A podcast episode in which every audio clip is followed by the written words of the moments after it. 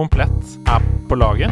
Komplett har gitt oss så mye som vi kunne gitt til dere. Komplett er så innmari hånd i hanske. er på laget på nerdelandslaget. Trusted by geeks. Ja, ja, ja.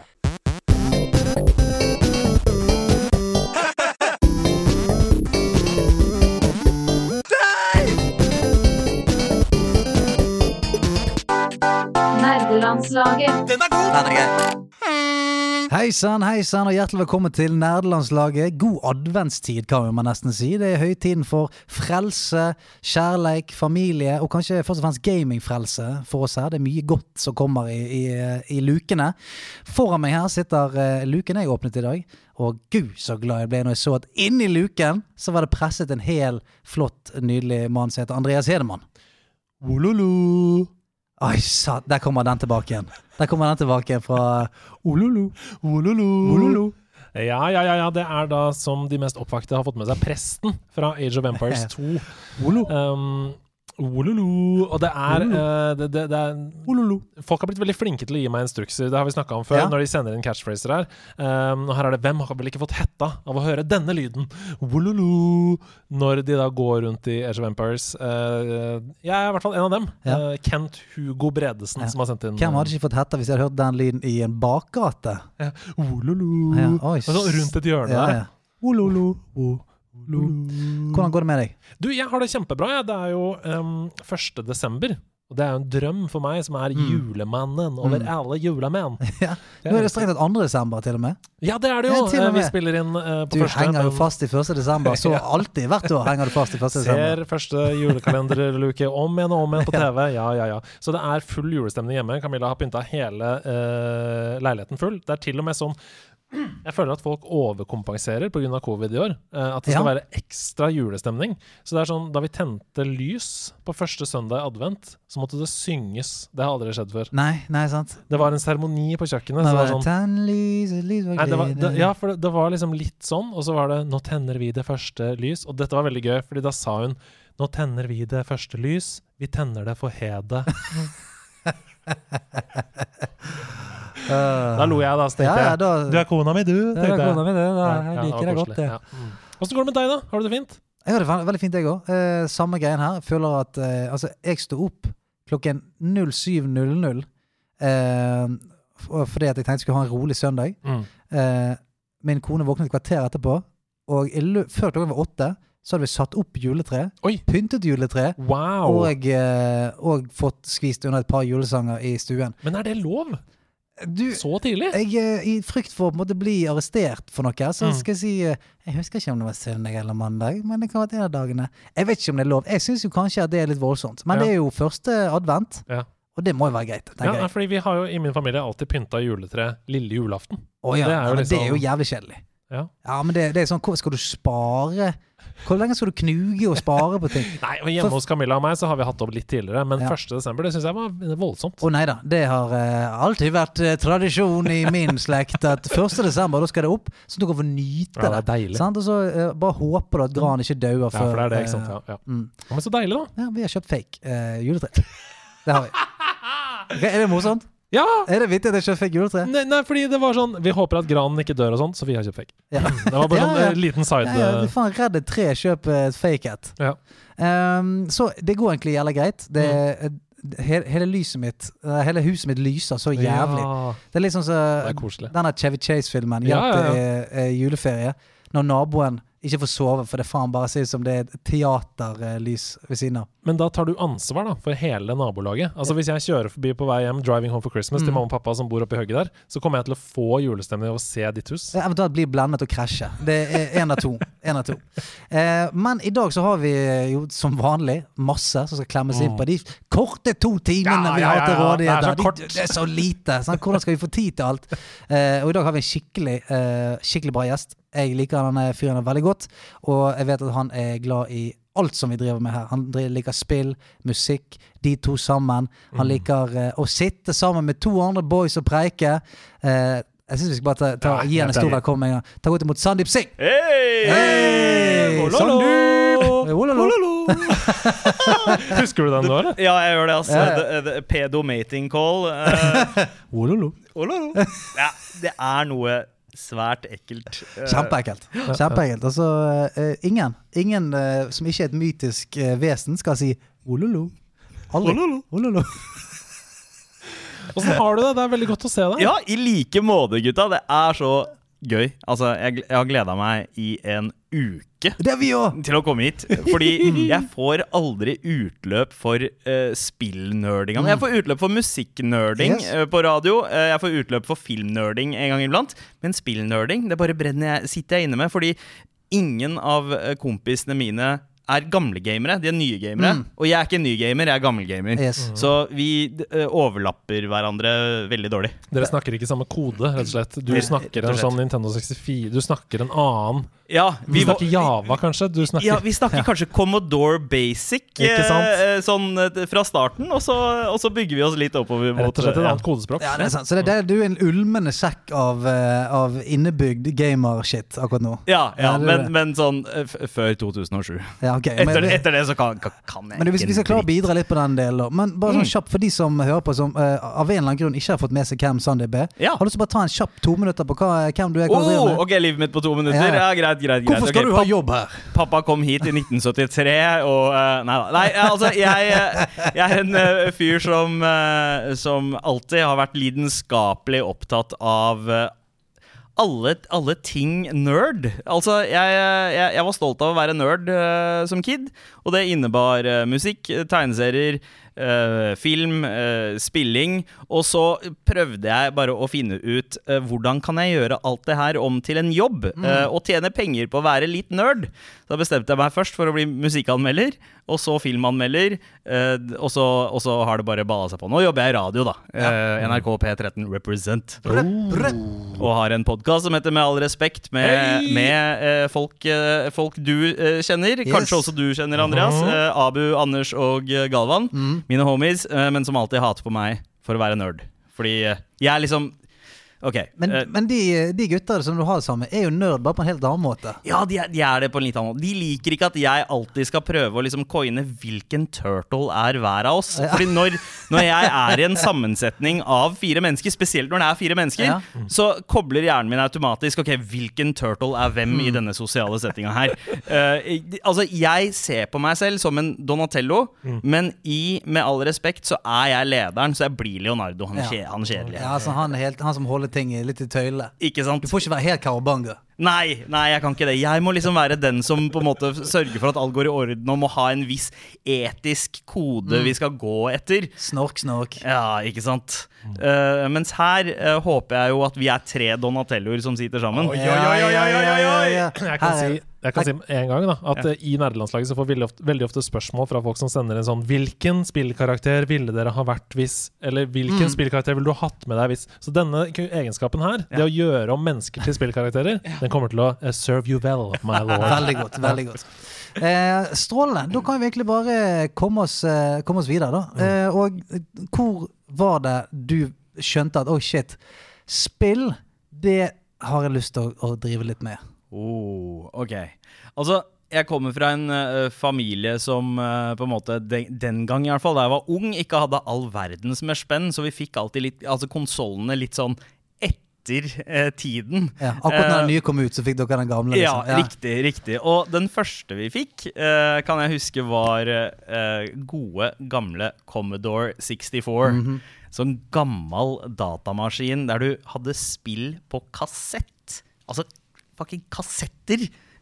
Ja, det, det, det høres jo helt absurd ut nå, men, eh, men de kassettene du putta oppi, eh, og så tasta man inn noe sånn Hva var det igjen, da? Eh, load, stjerne, dollartegn, stjerne, eh, et eller annet åtte jeg, jeg husker ikke det. Det var, var noe sånn shit man måtte taste inn. Og så tok det eh, mellom tre og 40 minutter å loade spillet. Så du, så du passa alltid på at du satte på spillet før middag. Ja. Ja. Gikk du ned og spiste, og så da du kom opp igjen, så var spillet loada og klart til å eh, fortæres. Men var det da liksom en korktavle for eksempel, da, bak konsollen med en Post-It-lapp hvor det sto hva du måtte skrive? Som f.eks. pappaen din hadde skrevet til deg hva du måtte skrive opp? Fordi det var det eh, Vi hadde jo MS-DOS på PC, Ja, ja. ikke sant? Ja, ja, ja. Og der var det også det samme. Det var sånn skriv run, kolon, slash, slash, Det Ja. det ha. CD prikk, prikk. CD Ja, ja, ja. skråstrek. Ja, ja. Men var det det?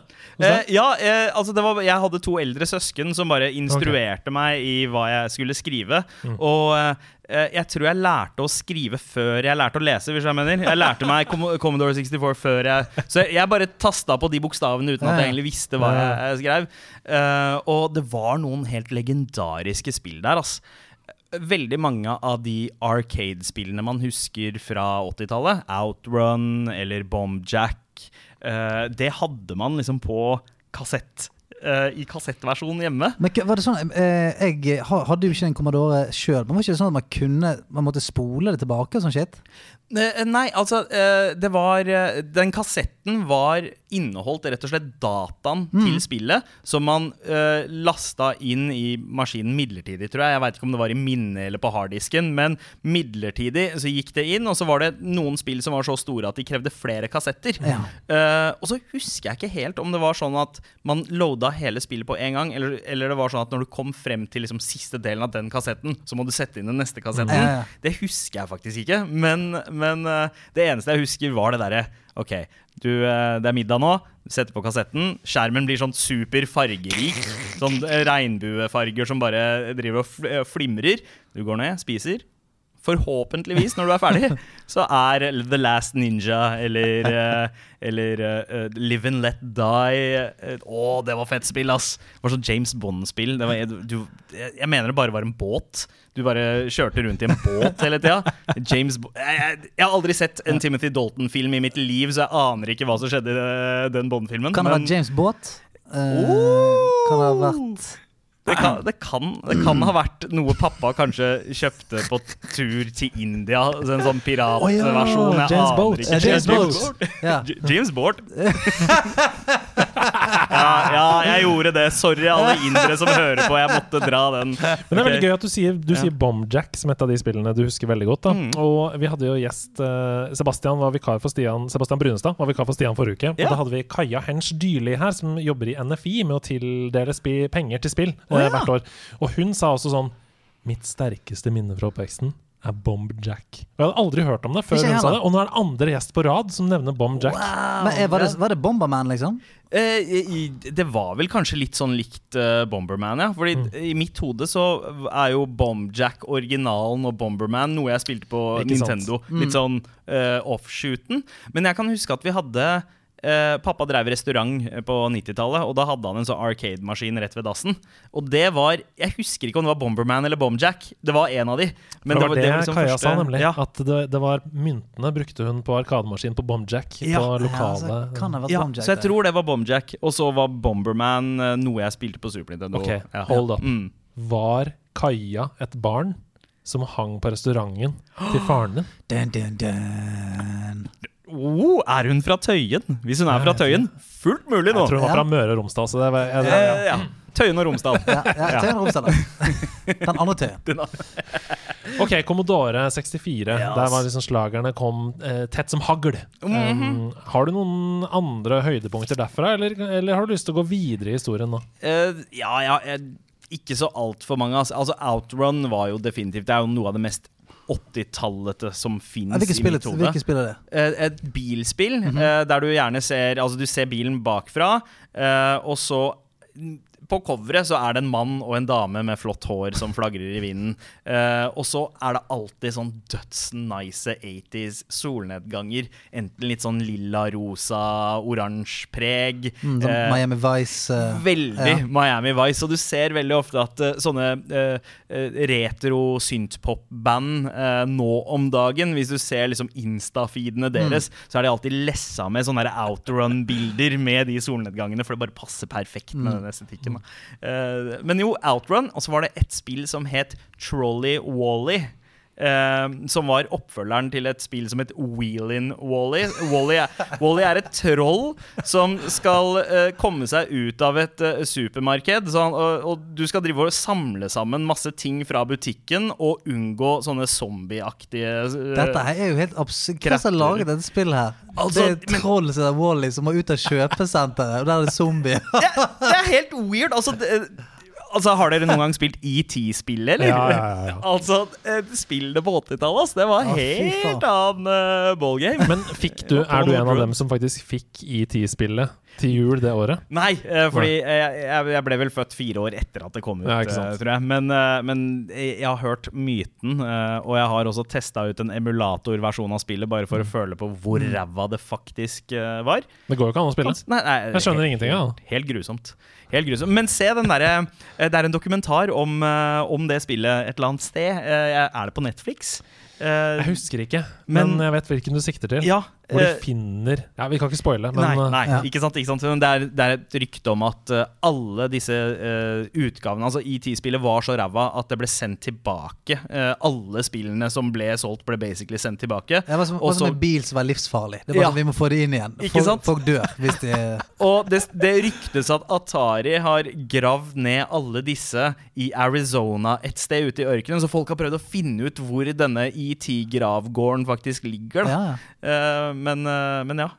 Så det er det Area, Area 51 er egentlig bare det. Det er der de oppholder Det er der de oppbevarer alle ET eh, Så på, det er jo på en måte extraterrestrials Ja, ja, ja, ja. ja, ja, ja, ja, jeg liker den koblinga. Jeg liker den koblinga. Men eh, nei, det, det var noe gull på uh, Commodore 64, men det var litt mer det at det var så det var litt det at du hadde en floppy, uh, floppy disk drive, du hadde en kassettgreie. Det var liksom opplevelsen av å starte et spill og, og, og sitte og spille med den joysticken mer enn at spillene var så gode. De ordentlige spillopplevelsene kom liksom ikke før jeg fikk eh, Nintendo. Altså først NES, og så SNES. Um, og eh, NIS, altså.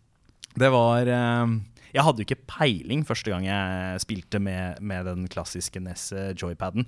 Uh, første spillet jeg spilte, var Super Mario 3. Mhm. Greit sted å begynne. Greit Kanskje, å begynne det. kanskje det beste liksom som har kommet. Kanskje Helt. det beste bortover-Mario, da som Camilla kaller det. Eh, altså 2D-Mario. som har kommet, ja, ja, ja, ja. Det er den og eh, eh, over til SNES, da, så syns jeg Yoshi's Island er helt Ja, ja, ja, ja. magisk. Men eh, Super Mario 3, veldig forseggjort. Uh, step up. Heftig step up fra første spillet uh, og andre spillet, som egentlig var et annet spill som bare ble uh, Reskinna, ja. reskinna til Mario uh, i Europa og Nord-Amerika. Eh, ikke et veldig godt spill, egentlig. Ikke, ikke liksom i Mario-antologien, eller, eh, eller serien, men, men eh, det er et greit spill. Altså, Jeg likte alltid musikken bedre enn jeg likte spillet. Ja, For jeg- ikke sant?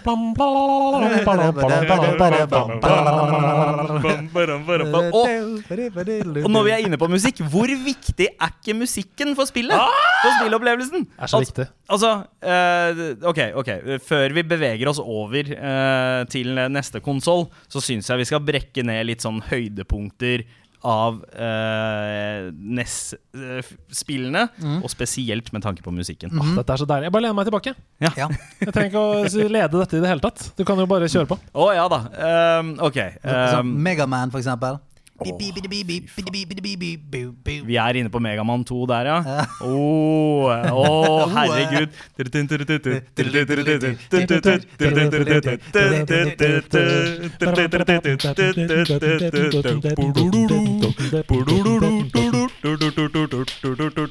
Wow! Altså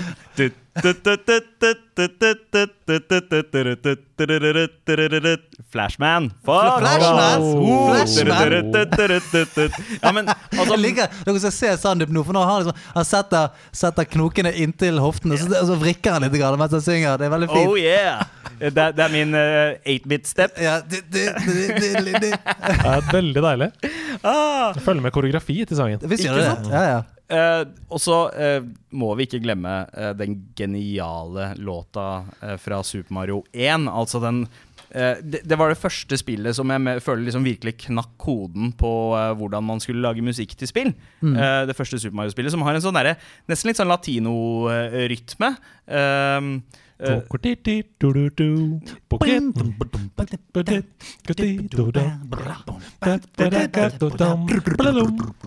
Helt nydelig. Koji Kondo, eh, helt Å, genius eh, fyr, eh, som på en måte bare knakk koden. Fordi uansett hvilket tempo du spiller i, så funker den låta. Du kan liksom, du kan løpe kjapt, du kan fly rundt sakte, du kan gjemme deg bak ting. Du kan, altså, det, det, bare, det er alltid et eller annet element i den låta som passe med spillinga di. Ja, ja, ja. Mm. Og det er helt genius. Og så uh, var vi inne på Megaman 2, som har den derre uh, Det der engasjerende Du er på mission. Ja, ja. Musikken får deg aldri til å glemme at du er på et Følg med. oppdrag. Følg med, for faen. Du, du, du, det, er, det er nesten sånn treningsmontasjemusikk fra Rocky-vibe. Sånn Ja, ja. derre Å, nå skjer det ting!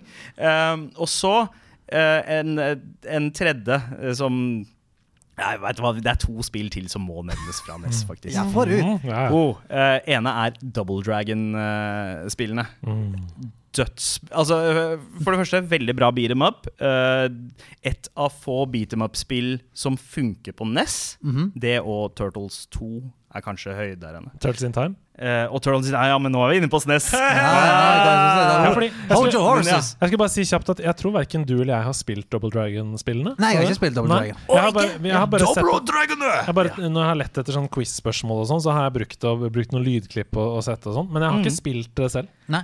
Oh, altså, det er et spill eh, som faktisk Den ene Super Nintendo-versjonen har blitt relansert nå nylig. Um, det er altså Double Dragon uh, Return of the, The Double Dragon, tror jeg det het. Return of the Third Dragon.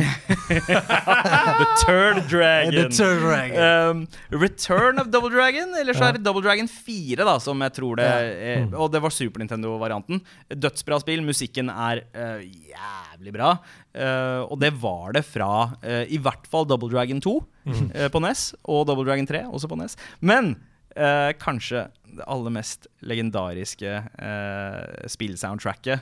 Det startet også på NES, altså. Det er Zelda-spillene. Ja, ja, ja. Altså Ja, ja, er du gal. og så forseggjort. Men det var liksom ikke før, uh, før da uh, Link to the Past kom på Super Nintendo at de virkelig naila det. Mm. Ja, for de fikk jo litt mer å spille på uh, sånn instrumentmessig. Altså sånn ly Ja. lydbildet kunne bli litt mer rikere. Ja. Eh, og det er jo det som eh, Ja, det er det som har gjort litt av den utviklingen eh, Altså gjort at utviklingen har blitt sånn som den har blitt sammen med utviklingen av grafikken. Ja. Er at, at eh, I begynnelsen så var det liksom bare Mm. Så, eh, Og så har det på en måte kunnet Å ja, nå er det musikk. Og så er det sånn, å fuck, nå er det orkester. Ikke nå, sant? nå er jo det helt sinnssykt. Uh, så det har bidratt like mye til utviklingen som uh, den grafiske utviklingen, tror jeg. Ja, og det er jo veldig mange som har sånn veldig spesielt forhold til uh, hver gang de starter et nytt Zelda-spiller og det kommer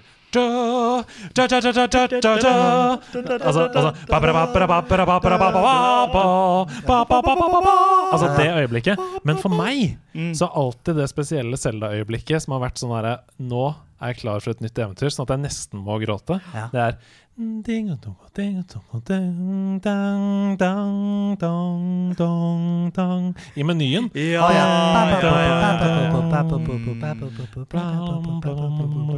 Og bare se for meg den derre store fairyen in the pond.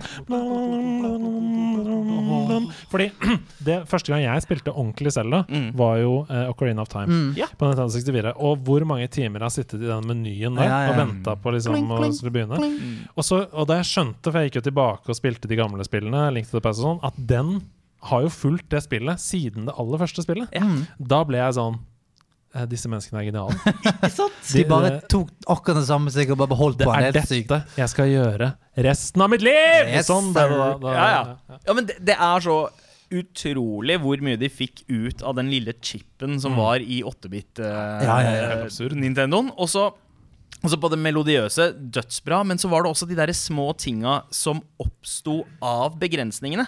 Det at eh, På Super Nintendo og Nintendo 64 så kan du jo faktisk spille akkorder. Du kan spille eh, to, tre, fire toner samtidig. Men på NES så kunne man ikke det, så man måtte spille i sånne små arpeggioer. Så det ble sånn brun, Ja. brun. det, er, det er det den lyden kommer av. Fordi du, I stedet for å spille en akkord, så spilte de bare brun.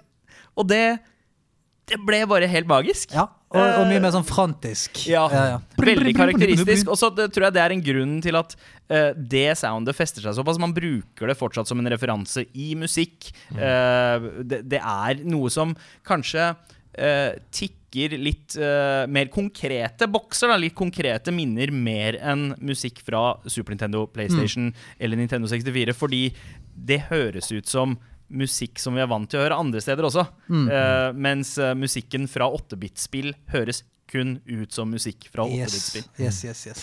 Det er veldig gøy, fordi um, du nevner jo Koji Kondo her, som er en legendarisk Nintendo-komponist. Gjort uh, alt det største som har kommet på Nintendo.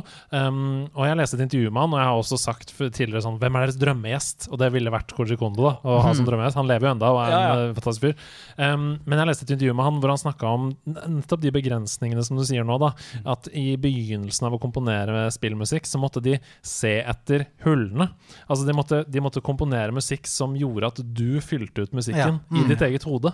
Ja. Fordi eh, det var masse, masse begrensninger. At de måtte lage på en måte toner som ikke var der, som du fant på i hodet ditt. Eh, så de, Sånn som når vi sitter sånn og sier sånn pling, pling, pling, pling, så sitter du diggo, dogo, diggo, do, Og Ja. du, du liksom du fyller ut med masse ting som ikke nødvendigvis var der i begynnelsen. Det er helt, eh, det er helt sjukt. Ja, det er helt vilt. det, og det, det du sier der, det minner meg om noe annet som er eh, veldig gøy med eh, spillmusikkens begrensninger. Uh, det, OK, uh, bear with me. Det, er en, det er en litt sånn eh, lang tråd jeg prøver å trekke her, men det var et Wolverine-spill på Super Nintendo som het Adamantium Rage, som kom ut i 95. Eh, musikken var gjort av en britisk drum and bass-produsent. Og han prøvde da å lage en uh, drum and bass-låt som uh, et av de der boss stage-themesa. Og så uh, er det ikke nok plass til å ha de der utfylte drum and bass-trommene som på en måte du hører cymbaler som glir inn i Ja, hverandre og sånn. Det funka ikke, så han måtte hakke det opp. Han måtte hakke opp trommene. Og så har han sånne horns som er veldig stabby, sånn dun, dun, dun, dun, dun, dun. Og så legger han til liksom trommer, men i halv speed. Ja. Og det høres helt ut som grime. En Ja, sjanger ja, som ja. ikke kom før sånn syv år eh, altså, altså, er Fem til syv år senere, som britisk rap. Mm. Ja. Og det er helt sjukt, fordi eh, altså, jeg elsker sånne små ting som høres ut som de er laget av noen som har sett fremtiden, eller hørt Ja. fremtiden. Ja, ja, ja. Og det der er et sånt øyeblikk hvor bare sånn Oh shit, det her er verdens første grime-låt, det her! Ja. Eh, og, og, det høres ut som Artful det Dodger. Ja og Ja, ja, er sånn lek, da. ikke hype, hype, hype. Sånn. Wolverine, adamantium! Yeah! And I thought Å, jeg fucker med dette, ass. det er så gøy. Ja, ja, ja. Ah, men ja, vi har kommet til Super. Nintendo. Nei, vi har kommet til ja, vi har allerede. kommet dit. Ja, ja. Eh, ja, altså, vi kan holde oss eh, til Nintendo. eh, Nei, vi kan ta en liten tur opp til Snesen. ja, ja, ja, La oss oppgradere skjermkortet litt. Ja, litt La oss, det. La oss gå eh, steppe opp til Var det, var det 16 bits nesten var? Ja, det var det. Det var 16, Mhm. ikke sant? Og eh, grafikken ble jo bedre, musikken ble bedre. Og noen eh, klarte ikke å utnytte grafikken så godt. Altså, jeg, jeg kan selv huske at jeg ikke var så sjukt fan av Mario Kart på Super Nintendo. Ok. Det var litt fordi eh, det, det føltes litt ut som at på en måte eh, altså, det funka ikke helt å bruke 3D-ro- et tredimensjonalt eh, rom eh, på Super Nintendo. Eh, Sega var kanskje litt bedre der. PC var jo langt bedre. Men Super Nintendo så var det fortsatt litt sånn eh, prematurt. Ja, altså, jeg, for jeg òg var sånn Uh, F-Zero, for eksempel, som Ja. var et veldig populært snespill. Det var et av de som ikke jeg klarte å, å henge meg helt opp i heller. For jeg var sånn eh, Nei, eh, ok, jeg skjønner at det er fett og sånn, men akkurat som du sier, den, den 3D-feelingen er så choppy og rar. Ikke sant? Fordi At, hver eh, gang du beveger deg litt i rommet, så må den liksom Det ser ut som at de må loade hvert objekt på nytt, og så mister du så mye hver gang du beveger deg. Så det funka liksom ikke. PlayStation uh, landa, uh, naila det jo da det først kom, men Super Nintendo eh, klarte ikke helt å naile det der tredimensjonale rommet. Men så hadde du ett spill hvor de virkelig klarte å utnytte, og det husker jeg ble helt mindblown første gang jeg spilte. Det var Donkey Kong Country Ja, ja, ja. som er litt sånn fake 3D, men Ja, de bare klarer De klarer å få det til å føles veldig tredimensjonalt. Teksturen på de bladene Du kan liksom Du kan se, kjenne, nesten lukte Ja. Shit som skjer eh, Jeg, jeg veit hvordan gorilla-ass lukter, liksom. Det, jeg har fordi jeg har spilt det spillet. Nei, men altså, jeg, jeg også husker at det var en av de der rare øyeblikkene hvor du får sånn Hvis det blir bedre nå, da skjønner jeg faen meg ingenting. Ingenting, ikke sant? Det kan ikke Se bare, det er jo en banan! Det er, en banan, det er dønn en banan! Altså, Det var helt magisk, og ikke minst også åh, på grunn av musikken. David Wise sin musikk i det spillet der. The Aqu- Aquatic eh, Hva er det den heter? Eh, Ambience. Aquatic ja. Ambience. Ja, Aquatic Ambience. Oh, fy faen.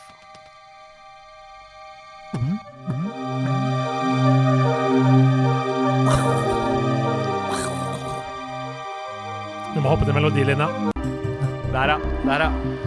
Det er liksom Det er 30 uh, mykporno-musikk, og Yes. så er det eh, 70% bare pure genius. Ja.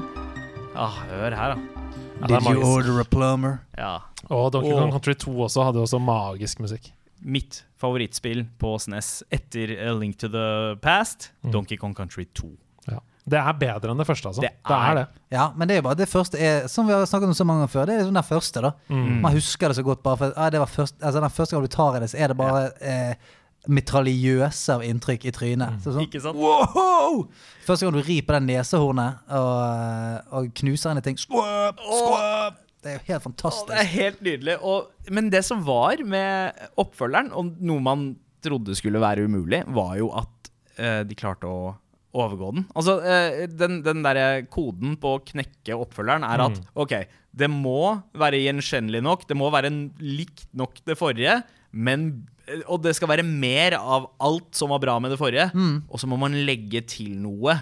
Uh, som nesten faser ut og gjør den forrige irrelevant. Og det følte jeg at uh, Diddy's Conquest eh, fikk til. D Dixie, som da var den nye spiller ja. to, eh, var had, had, Det var bedre spillmekanikk. Den derre svevinga hennes var dødsbra. Do Donkey Kong selv som en karakter, han var jo den man skulle redde i toeren. Mm. Du, du bare merka litt hvor, hvor lite man egentlig trengte han. Eh, fordi Diddy og Dixie, de er uh, Helt rå. Ja, de er helt Helt rå. rå. Og ikke minst musikken ble enda bedre.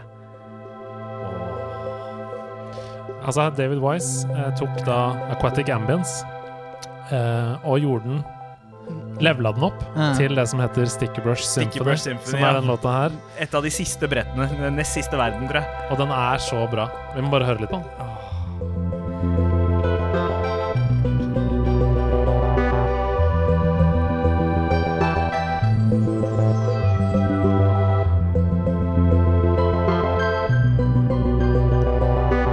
Jeg liker at vi plutselig ble en ekte radiokanal nå. Det jeg. Og det er melodien.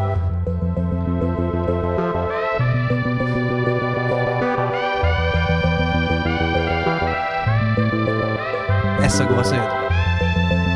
Å, det er så bra! Er så gåsehud. Dette her er helt nydelig. Altså, jeg er så glad for at du bare spiller eh, låtene vi driver og preiker om akkurat nå.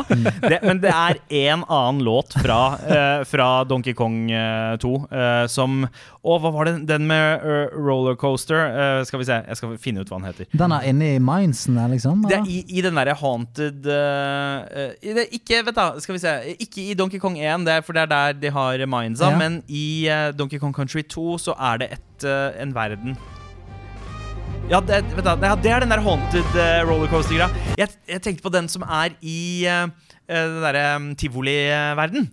Eh, så er det Og det, er sånn Fordi jeg er jo en diskomann. Det er ikke noe, ikke noe jeg elsker mer enn en god diskobasslinje. Altså. Og i den ene låta så har de eh, Har de klart å pakke inn litt uh, disko. Skal vi se. Um, Og rollercoaster level, er det den uh, Disco Train? Er det den Disco Train!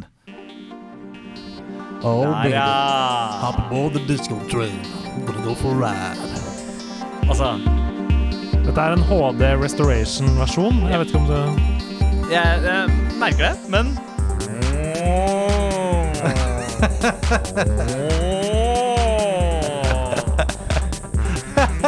og, og så kommer den der oktavbassen inn nå, da. Bare check it out. Altså, vi skal til et kamera, for Sandeep han er så dypt inne nå. Sitter og spiller bassen med fingrene. For trynet er så fullt av glede som jeg aldri har sett før. On fire! Veldig gøy. Faen. Det var Disco Train av uh, Donkey. Kong. Ja, ja men de, altså David Wise all, uh, altså, all respekt til det han fikk til med den også litt begrensa Super Nintendo-chipen. Det derre mangfoldet av lyder han har klart å fremkalle der, ved bare å liksom bruke eh, klang og eh, Jeg aner ikke hvordan det er mulig å få så mange lyder, så mange sjangere som han har putta oppi der, eh, og fått det til å funke. Og samtidig som det bare er litt sånn Koji Kondosk i filosofi, at det funker uansett hvilket tempo du spiller i. Just works. Ja, ja, altså, det driver deg. Det driver deg bare av gårde hele veien, uansett. Det er så deilig.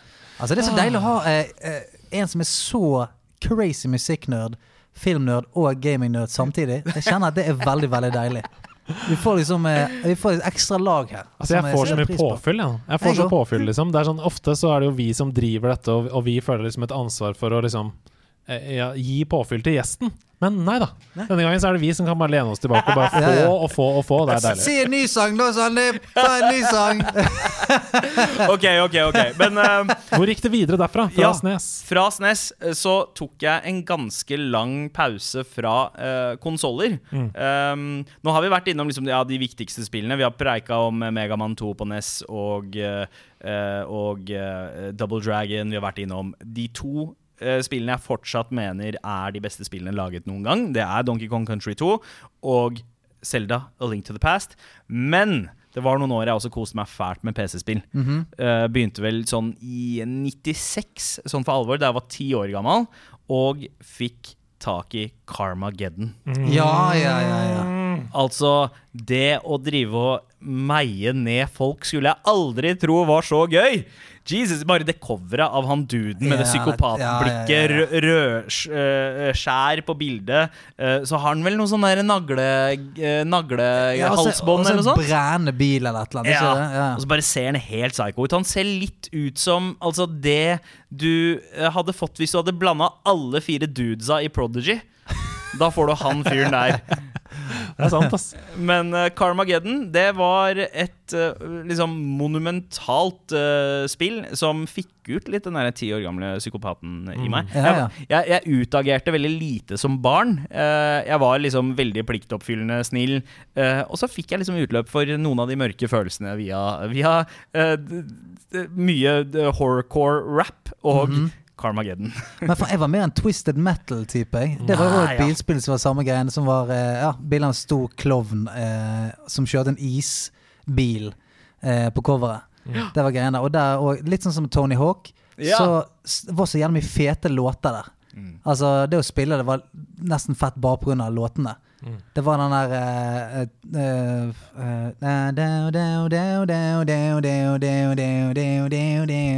Painted Black. Ja, ja, ja. Rolling Stones, ja. Bare kjøre rundt og knuse andre biler med den i bakgrunnen. Å, det høres gøy ut! Aldri spilt Twisted Metal. Twisted Metal, ja. Første gang jeg utagerte, egentlig, da, i spill, det var egentlig GTA1 på PlayStation. Men, det var Jeg har bare lyst til å spørre deg, for det åpna en ny horisont for meg. da i- til det så var på en måte gaming, det var eh, Mario, plattformspill, eh, Mario Kart, sånne ting. Eh, kanskje Gran Turismo, litt sånn vanlig kjøring med bil.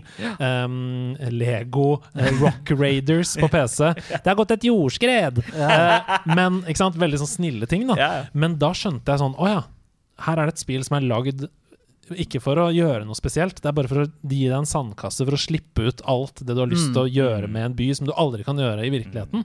Var det litt sånn Carmageddon var for deg? Åpna det en ny sånn dør? Det, det gjorde det, uh, men det skal sies, det var ikke før jeg testa uh, GTA 1 i 97 uh, hos naboen min, Shaura Tikavar, som hadde fått tak i eh, Grand Theft Auto, og virkelig fikk utløp for den dritten der. Fordi altså, den derre gleden av å meie ned syv oransje joggere eller Ja! Hare Krishna-folk eller hva faen. Bonuspoeng, mann. Goranga! Og så bare ah, Yes!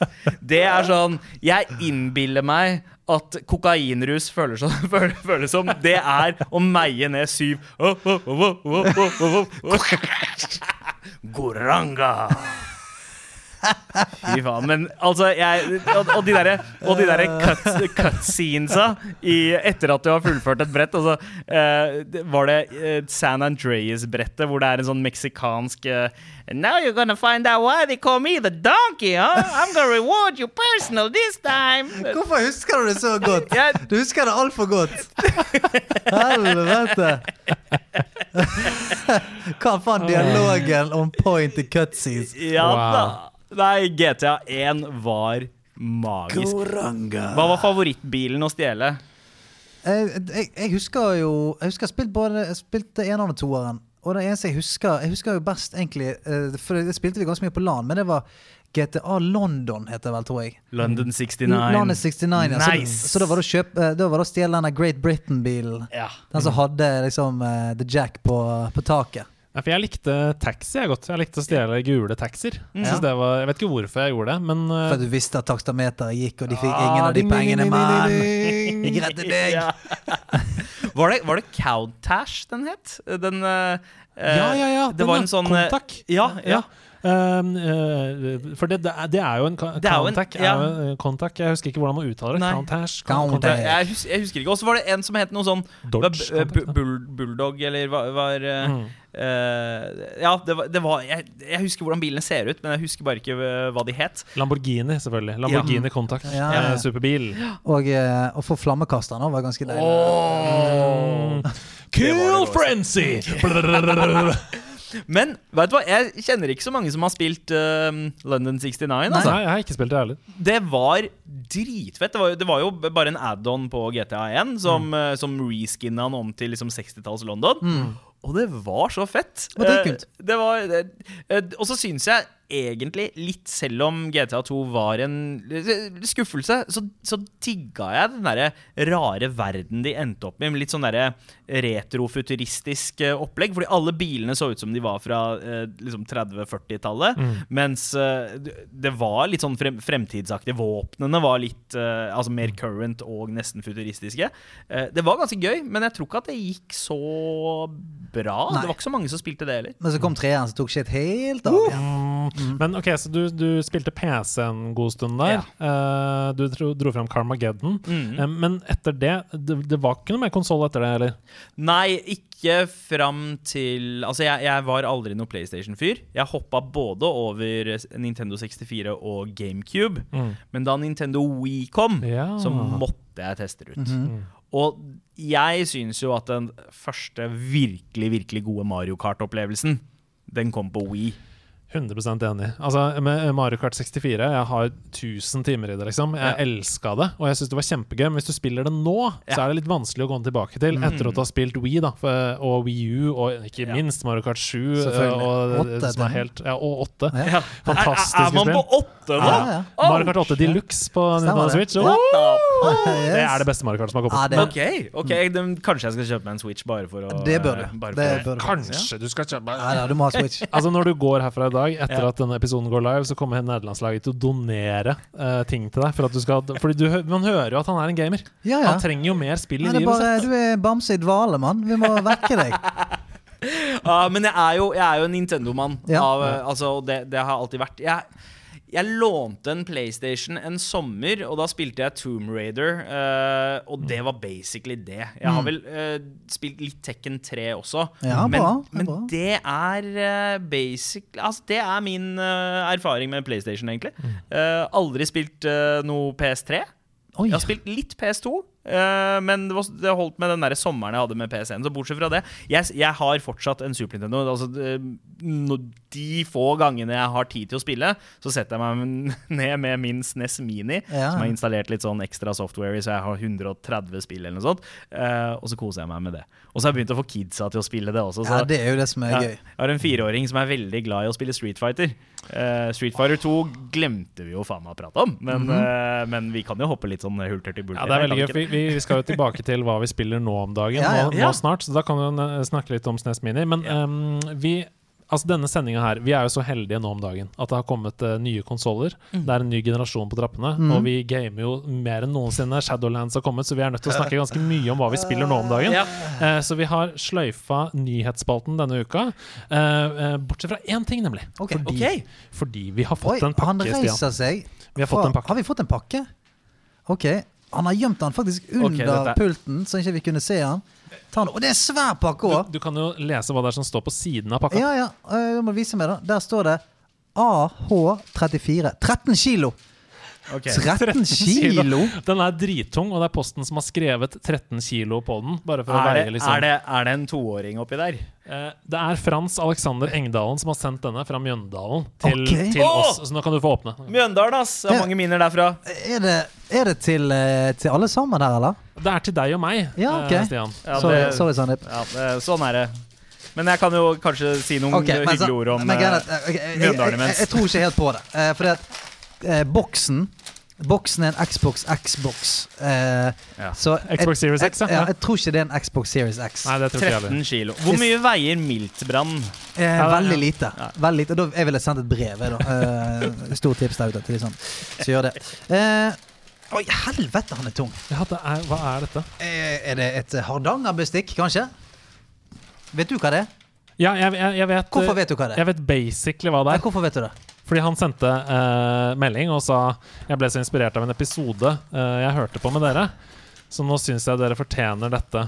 Oi. Oi, shit. Og jeg vet ikke hva Oi, det er, Jeg men tror kanskje jeg ser hva det er.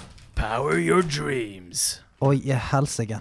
Er det Er det Uh, Oi, i helvete! oh, Det er Dungeons and Dragons-sett! Her er det et gigantisk Monster Manual, Dungeon Masters Guide, Players Handbook uh, Det som er greia Et slags uh, Jævla Et kart! Wow! Vi har rett og slett fått eh, 13 kilo med Dungeons and Dragons stæsj, som, som gjør at vi har alt vi trenger for å spille Dungeons and Dragons. Ja, du! Altså uh, OK. Jeg må, jeg må okay, slutte okay. jobben min. Fet, fet fan. Yo, Mjøndalen. Altså, Fra Frans Frans Alexander. Wow. Og masse brikker og Ok, Fra nå av så er Mjøndalen kjent for tre ting. Se draget! Ja. Mjøndalen er kjent for tre ting. Ja, Han ene i broiler, Todd Terje og Frans. Hei, Frans, ja. Frans Alexander! Ai, ai, Hva er det? Hva, det kommer pakke på pakke Ja, ut men av her er selve det, det, det er cavern set. Så har du åtte hjørner med, med hule. Du har ni eh, gulvplater med hule. Du kan bygge faen meg det du vil her, man. Oh. Har, har noen av dere spilt eh, DND før? Nei, Nei. det det vi ikke har. Men vi hadde en gjest som, var, eh, som eh, er programleder i Eventyrpodden, som er en Dungeons Ja. Dragons-podcast. Og han fortalte jo masse inngående om hvor nydelig dette er. Og vi har jo veldig lyst til å prøve dem. Vi har aldri hatt Men hva er dette? Det kommer så mange ting ut av den posen. Ja. Her er Dices, er det det? Ja, ja, det her er det eh, Terningpose. Ja, terningpose. Terningpung. Altså, jeg, jeg tror at man blir Jeg, jeg vet ikke, jeg har aldri spilt det før. Nei. men jeg tror man blir en skikkelig god storyteller av å spille Det tror jeg òg. Eh, ja, ikke sant? Ja, det tror jeg òg. Å, se på det slottet der, da! Ja, slottet. Damn! Kan, kan jeg ta på det? Ja. Touch my castle. Eh, altså, det er bare det, det er uendelig mye ting. Her er en karakter, og det er jo helt sinnssykt opplegg. Ok. Vi skal eh, fordype oss ned i uh, den eh, pakka der etterpå. Tusen, tusen takk, Frans Alexander. Dette skal rett inn i nederlandslaget headquarters uh, til vi begynner å spille ned. Men mens Stian pakker ut av denne esken, så tenker jeg at vi kan begynne å snakke litt om hva vi spiller nå om dagen. Uh, har du lyst til å begynne, eller, Sandeep? Fordi du var en gamer før, Ja. men du dryppa noen hint om at du spiller litt nå også. Ja. Ja. Jeg, eh, og, jeg har jo alltid øh, holdt meg sånn tro til øh, Super Nintendo. Uh, selv om den gamle SNES-en min streika for sånn 15 år siden, så har jeg liksom skaffa emulatorer på PC og spilt videre. Um, når, når det virkelig kicker inn. Da er det som regel A Link to the Past, Mm. Donkey Kong Country eh, 2 Ja, det sant? går i. Du kjenner suget, du må tilbake. Det er litt det. Den, det er den, der, den rusen man får av å runde A Link to the Past. Den derre fine låta som kommer, eh, og så har du den derre eh, sluttsekvensen hvor du ser hvordan det går med alle karakterene du har møtt gjennom Mm, spillet. Ja, ja, ja. Her, jeg griner fortsatt Ja, det er så deilig. Og Ganondorf er død. Og... Ja, fucking Ganondorf. Han- han er- is dead. Han er en dødsbra baddie, ass. Han er det. Han eh, Nei, Jesus, jeg, han kan fortsatt dukke opp i marerittene mine en gang iblant. Jeg må ærlig innrømme. Den blå griseversjonen. Liksom. Men eh, eh, nå har jeg liksom prakka inn denne SNES Minien min med ganske mange spill. Også en del spill jeg ikke har spilt så mye tidligere. Um, som Ja, hva, hva, er det jeg, hva er det jeg har spilt nå nylig, da? Um, da, la meg tenke. Eh, Å, herregud, nå kommer jeg ikke på hva det heter engang. Uh, det, det, ah, det er litt sånn derre Selda-preg på spillfølelsen. Uh, superkjent spill som heter så mye som Og det er japan... Det er sånn eventyr... Ja, ja, det er eventyrvibe. Det pleier ofte å dukke opp på sånne lister av de ti beste SNES-spillene ever. ever. ja. oh, ja, nå, um, Secret of Mana. Secret of Mana. Yes. Det er helt riktig. Der satt den! Der Der har du det. Takk. Der har du eh. Takk, Andreas. Og så, eh, og så går det i eh, Final Fight, eh, Street Fighter og eh, jeg har også lasta ned liksom et par av superheltspillene, både eh, eh, Superman, ja. som er sånn veldig ute av karakter at Superman flyr rundt og driver og banker dritten ja, ut av folk. up, ikke det? Ja, det er et beat em der. Og også Spiderman-spillet, som er så skikkelig sånn beat 'em up. Det er, sånn der, det er ikke bare sånn der, Hei, nå skal jeg bare få deg vekk herfra, eller fange deg inn i spillrøret. Det er sånn der, jeg skal banke dritten ut av deg, liksom. Det, det, Ja, ja. det funker ikke. Det er, uh, så nei, jeg, jeg fucker ikke helt med de, men Batman-spillet er veldig bra eh, på Super Nintendo, basert på da den uh, Batman-tegnserien som kom i et, eh, eh, 93-94. Så Veldig sånn fin art deco-preg på bokstavene. Og, eh, nei, eh, så det, det er stort sett det jeg gjør. Det er eh, Super Nintendo-spilling. ass Jeg, jeg, må- jeg må bare spørre Er det ikke noe i deg som gjør at du får et sånn savn når du tenker på f.eks. Batman Arkham Asylum, Arkham City, Ja. svære, fantastiske Batman-opplevelser mm. som kom på PlayStation 3 og PlayStation 4 og sånn? Du har jo gått glipp av Ja. alle disse tingene. Jeg har jo det, men, men eh, tanken min er alltid litt sånn derre Hvorfor skal jeg starte på hardere drugs når jeg er fornøyd med de svake drugsa jeg har?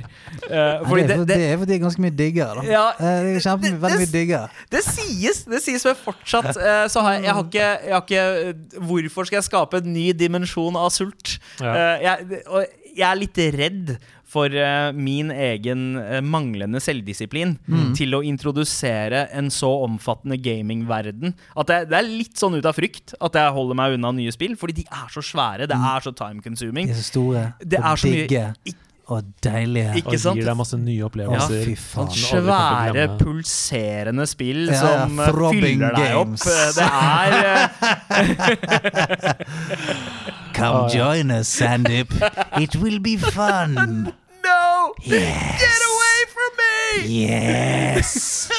Jeg redder deg ikke ut av den her. Eh, 100 platinum trophies. Palpatine sitter der borte og drar deg inn. eh. Haptic feedback, No! Sandip. It can't be! Dynamic You were supposed to be the good one, Stian! Lyn ut av fingrene. Hva Nei. spiller du om dagen? Du, jeg, eh, Hva tipper du jeg har spilt den siste uken? Hvis du skulle ta a fucking Shadowland. Jeg har spilt så mye World of Warcraft, Shadowlands. Og Derfor så er det helt fantastisk at du er her, for da kan du liksom fortelle inngående du, altså du, Det som er så bra med deg, er at du har jo spilt alle expansionene. Så du Yep. kan jo sette dem Du kan jo sette Shadowlands opp mot de andre.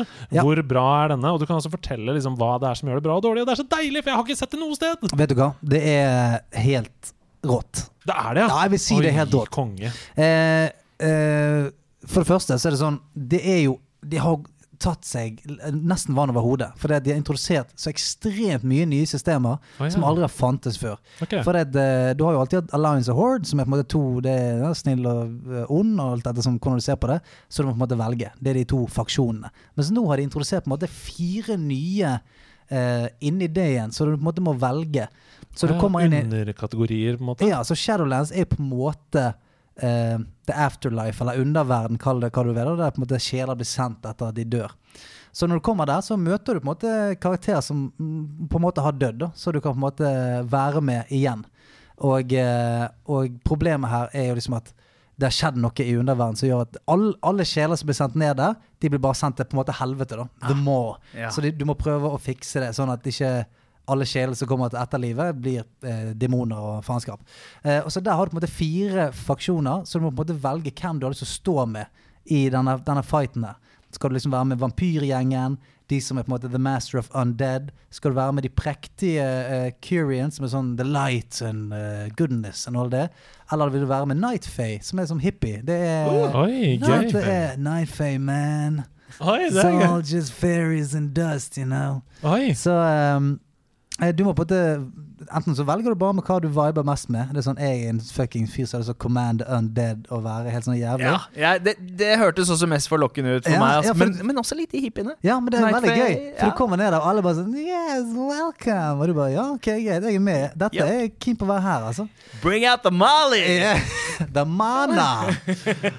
Så um, det er veldig kult. Sånn at uh, hvem du velger, vil jo på en måte uh, påvirke liksom, historien din videre. da Ja.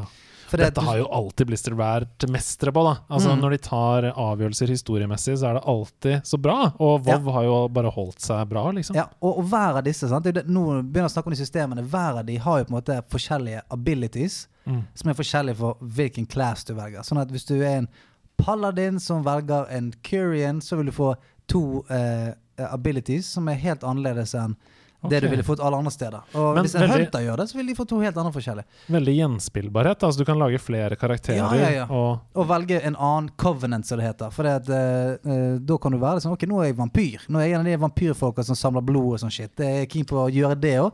Og så har jeg jo lyst til å være hippien etterpå. Så bare sånn Hei, slapp av. Kan ikke vi alle være snille med hverandre etterpå? Eh, så jeg er skjønner hvorfor du ikke har sovet noe særlig. Ja, ja. Og det er noe som heter Tower of Torghast, som er en slags sånn rogelike. Eh, du går inn, skal du på en måte klatre seks etasjer, og du må skaffe deg power-ups og alt mulig for å på en måte komme gjennom det. Så er det en boss på slutten, da. Wow. Eh, og det kan du gjøre alene eller med folk, og da, det er liksom en viktig ting. da. For dess høyere nivå du klarer den uken, dess mer sånn eh, yeah. saker får du. Det er som dungeon run, eller duels, da, i Hearthstone. Eh, ja Du bygger jo et dekk underveis med power-ups og Ja, sånn. og på en måte. Ja, På en måte. å komme lengst. Egentlig, egentlig det. Sånn at det det er så sinnssykt mye innhold, da. Det er helt sånn intenst mye innhold. Og så har de vært smart. sant? De har jo gatet mye av innholdet når du kommer inn, sånn at du kan på en måte spille ganske langt i historien med covenanten din, men så sier de sånn Å, nå må du stoppe, for nå, nå får du et nytt et neste uke. Som er jo egentlig veldig fint. Det er mange som irriterer seg over det, men det, for en WoW-spiller så er det veldig deilig at noen sier sånn Nå er du ferdig. Sant? Nå er du Nå ferdig. Ja, nå, Ja. nå er du ferdig for denne uken her, ikke det greit? Og så ses vi neste uke. Ja. Kom deg ut, få litt frisk luft. Og det samme, sånn, I tidligere expansion så har det vært noe som het- har het Titan Forging. Det vil si at du kan, eh, hvis du er i en dungeon, så kan du få eh, våpen eller eh, armor som magisk sett plutselig er sånn Oi, nei, men denne ble Titan Forget. Så det vil si at den er veldig mye bedre enn den originale. Sånn at folk satt jo bare og grindet uh, dungeons i timevis bare i håp om å få en sånn uh, ja, hente seg ti item levels eller sånt på en ting. Uh, mens nå er det vekke. Så det er sånn, hvis du har fått det sverdet, så har du det. Du trenger ikke liksom gå rundt og grinde i all evighet for å få denne bonusgreien på den. Så de har gjort det veldig sånn at du, du trenger ikke å grinde i all evighet for å få en ting. Når du har gjort det, så har du gjort det. Ja. Eh, og så har du eh, nå, snak, vet jeg, nå har jeg mistet dere to, så jeg bare snakker nei, til uh, lytterne. jeg, jeg syns det er kjempebra. Snakker, hei, lyttere. Dette er jo grunnen uh, Dette er jo kjempe. Det er sjelden vi har mulighet til å gå så i Ja, dybden på ting, så det er veldig bra. Uh, og så uh, sammen med Legendaries. Det har jo vært litt sånn eh, viktig aspekt for å få, få det beste ut av karakteren din. Og før har det vært sånn Det er bare en tilfeldig dropp, kan det være. Sånn, det kan poppe opp hvor som helst. Mm. Og så har de satt en sånn bad luck eh, safety. At det er sånn Hvis du har spilt så og så mange timer i max level, så er prosenten høyere og høyere for at du skal få sant. det. da sånn, sånn at Ah, ja, Du får det til slutt, eh, men når, når du får det, så er det ikke sikkert det er den legendaryen du ville ha. Sånn er en som er helt feil for deg. Så nå kan du på en måte targete en. da Du kan si sånn eh, Du kan se på en liste over ting. Så kan du si sånn, jeg vil ha den. Så kan du trykke på den, og så kommer det opp en hel liste med ting du må gjøre for å jobbe aktivt mot den. da Sånn at du vet at all den tiden jeg ligger inn her, da får jeg den til slutt. Wow. Knuste nesten tingene. Jeg var så glad. Da får du den. Sånn at det, det føles ut som uh, alle minuttene du bruker der, er på vei mot en, en faktisk ting. Det er ikke en sånn 'nå skal jeg bare være to timer i håp om å få noe'. Og tidligere i WoW så har du jo vært nødt til å installere f.eks. tredjeparts skript, som hjelper deg å ha den beste uh, progresjonen for å levele uh, raskest til 60, f.eks. Mm. Altså skript som andre har lagd, da, som, kan, som påvirker spillet. Sånn at det er sånn Gå dit, gjør det Ja. nå. Og det oppleves litt sånn. At det er, en, det er en funksjon som er i spillet, som sier sånn OK, for å få denne, så må du gjøre det og det og det og det nå. Ja, ja, det er i hvert fall veldig sånn du, Hvis du bestemmer deg for du, altså Det sier ikke 'gå her og her og her', men det sier sånn eh, Ok, hvis du vil ha den legendaryen her, så må du ha 10 av denne, 20 av denne, 30 av denne her, og så må du gjøre dette. Okay. Det kan du gjøre på den måten du vil, på en måte. Ja, skjønner. Eh, som er veldig digg, det også. Men så det er i hvert fall også en annen sånn, annen sånn ting er at folk som har mange karakterer Når du har levelet én, så er det sånn jævlig kjedelig å måtte gjøre akkurat det samme på den nummer to igjen. Mm. For det føles jævlig tungt. Mens nå har de gjort sånn at eh, hvis du har på en måte klart hovedkampanjen og sånt, eh, og er level 60 med en, så kan neste egentlig bare velge seg en sånn faksjon med en gang og begynne å liksom avansere den mens de leveler opp. Oh, ja. Så de okay. slipper å på en måte hoppe gjennom akkurat de samme ringene som du gjorde nettopp med den forrige. Så det jo er, er veldig digg. Ja, ut. ja, alt-friendly, som jeg sier. Så tusen takk for meg. Eh, jeg har vært Bliptastic, en level 60 balladin. eh, på Grimbatol. Vi har en eh, guild der, faktisk. Alliance. Så kom join oss, da vel. Sandeep, er du med? Eh, eh, Den er god. Send deg invite. Send deg invite etterpå. Ja, ja, gjør det. Gjør det. En, en liten Bare sånn en liten test eh, her, eh, Stian. Så, så, -hmm. Hvis man skal uh, forklare f.eks. For eksempel, si, si Donkey Kong Country, da. Så skal Donkey Kong redde bananene sine fra Captain K. Rule. Ja, ja. Eh, eller Zelda-spillene, så Mhm. skal han eh, restore balance eh, til Hyrule. Eh, hvordan kan du oppsummere Shadowlands i én setning?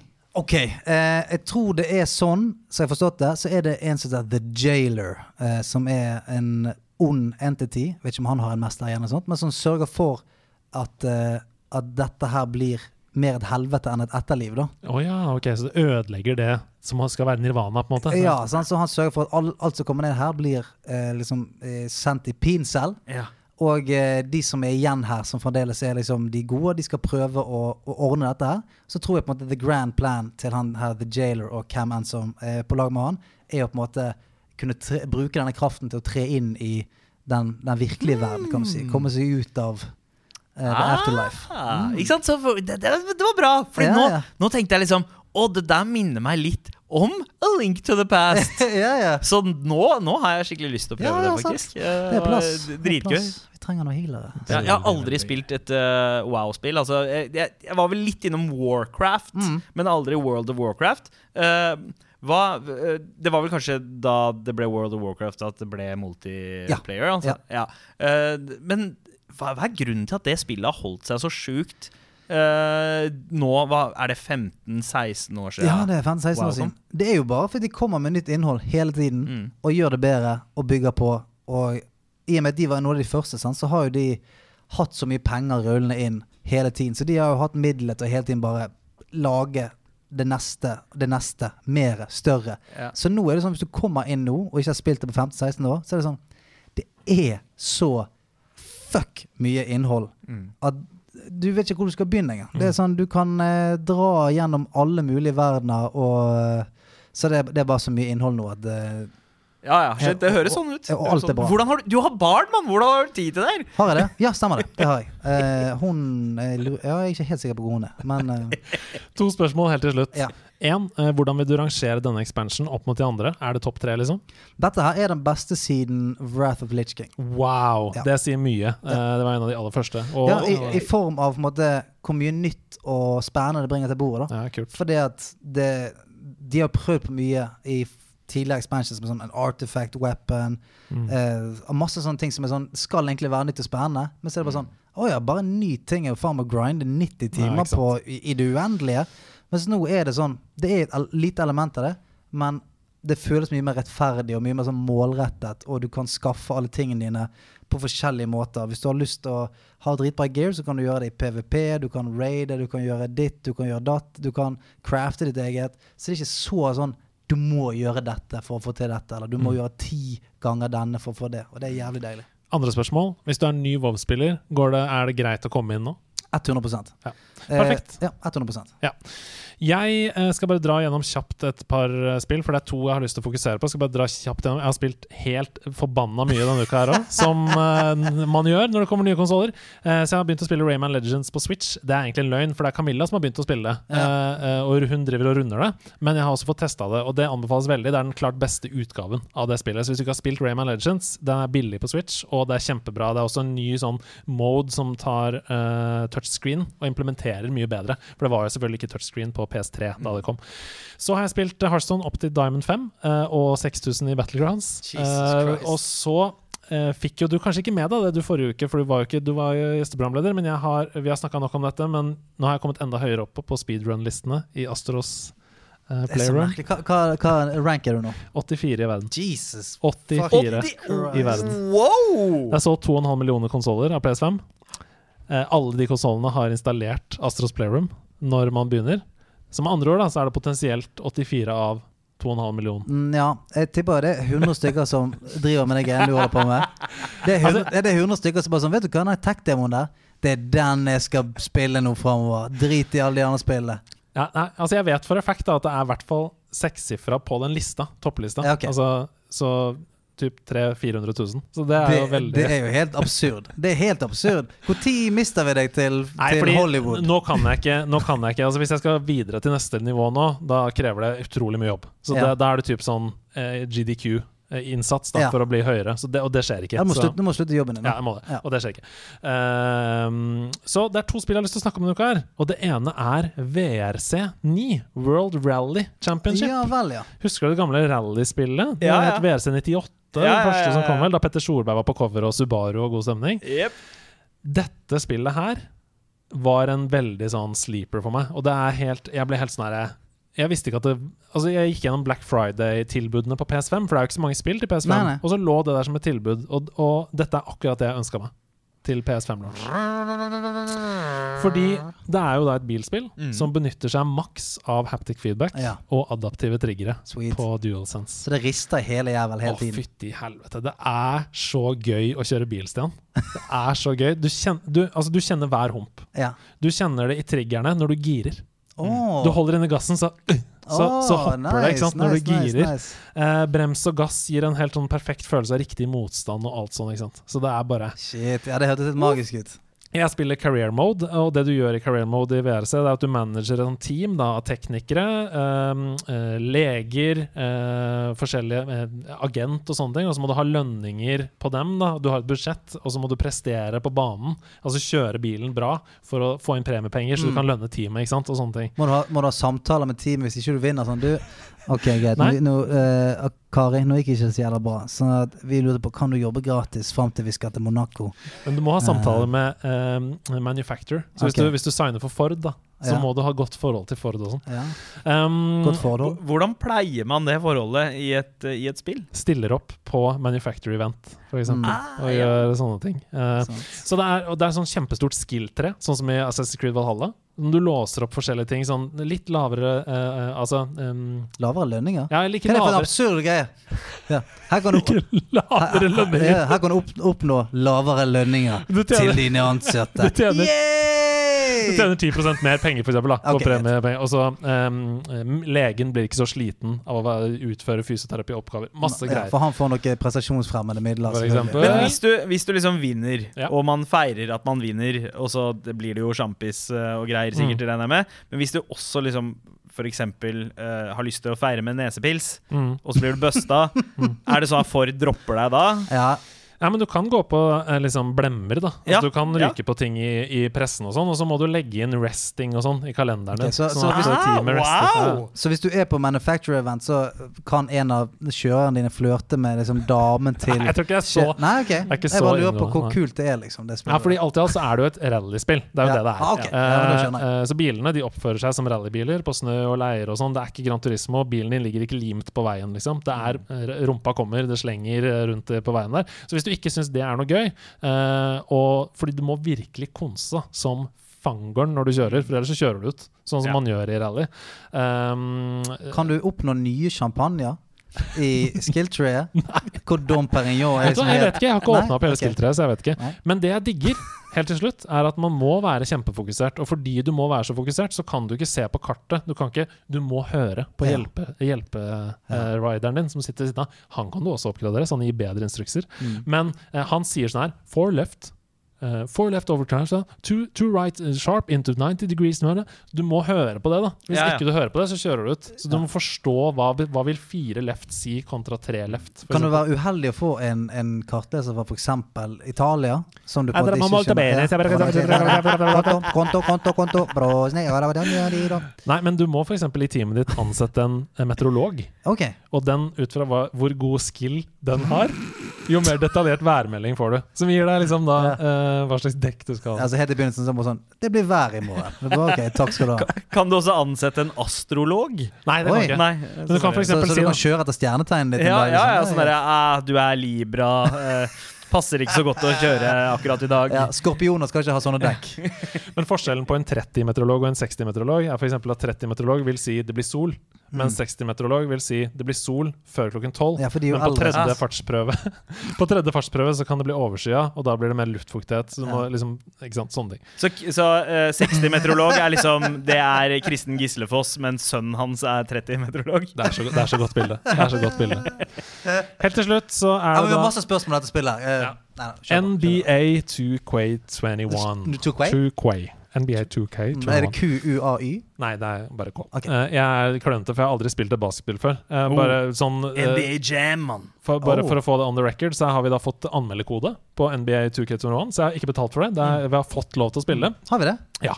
Ja. Du sa til meg 'jeg fucker ikke med basketspill'. Ta det, du. Sa det, du. det, var, det var faktisk det jeg sa. Jeg sa faktisk det. Jeg mener jeg husker det. Men Så jeg har aldri spilt et basketspill. Mm. Men jeg har spilt både Fifa og NHL og sånne spill. På Nintendo Wayne Gretzkys hockey der. Å, ja, ja, ja!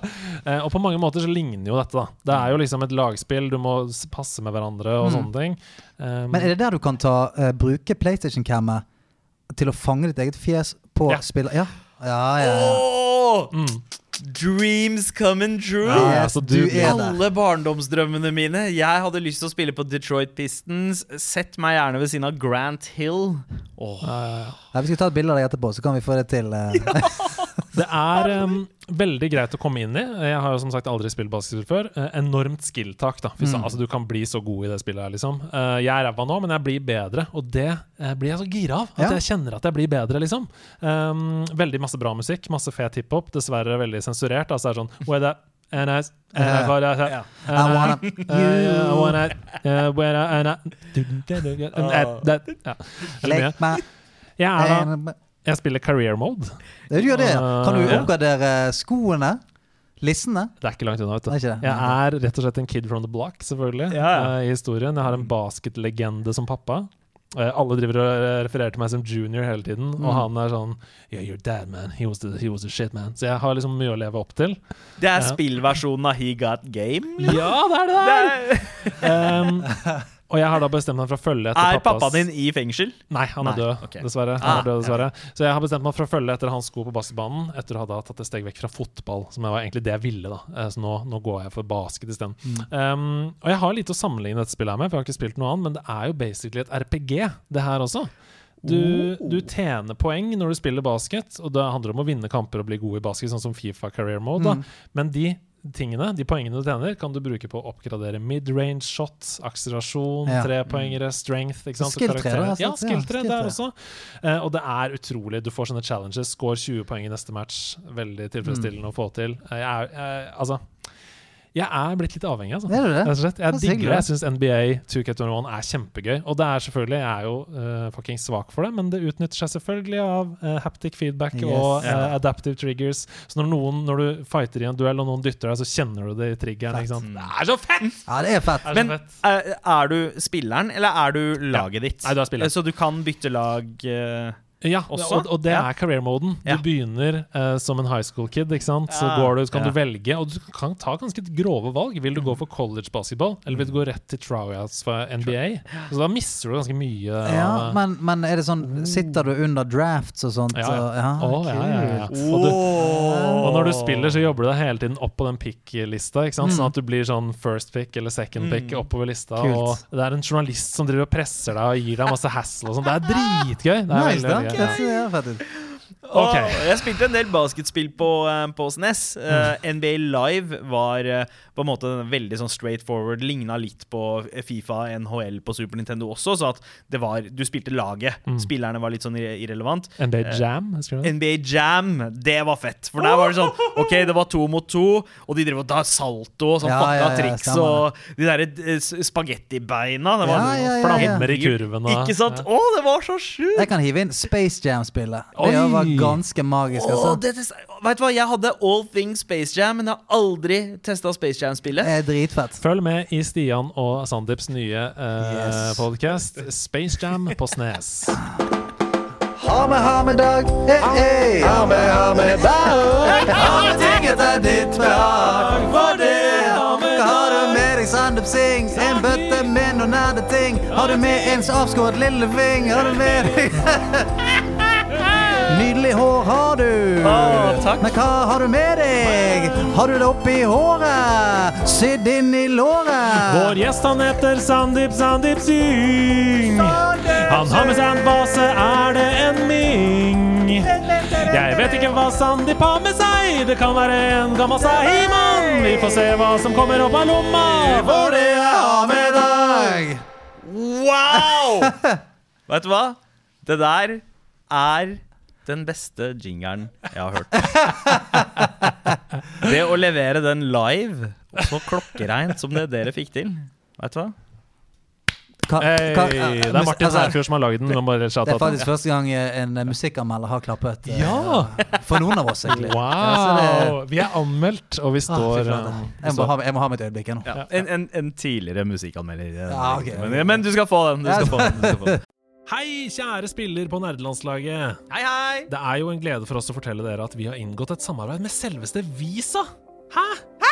Visa har jo på en måte alltid vært der. Det er jo noe vi forholder oss til og bruker hver eneste dag. Ja, altså Det har jo fulgt oss hele livet, og jeg husker veldig godt hvor stas det var da jeg fikk mitt aller første visakort. Det var både stort og viktig. Foreldrene våre de var opptatt av å lære oss til å være forsiktige, behandle det på en ordentlig måte. Det var en trygghet på en måte å betale med Visa. Men det er veldig mye som har forandret seg siden den gangen, spesielt siden netthandel har fått en enorm oppblomstring, med mange flere ulike måter å betale på. Og det som er interessant, det er jo at statistikk viser oss at Gen Z de har tre ganger så stor sannsynlighet til å bli utsatt for økonomisk svindel online enn oss som er boomers. Hæ? Er ikke det overraskende? Altså, Det er jo det som gjør at det er veldig viktig at vi kommer tilbake til den der safe shopping mode-følelsen som Visa gir.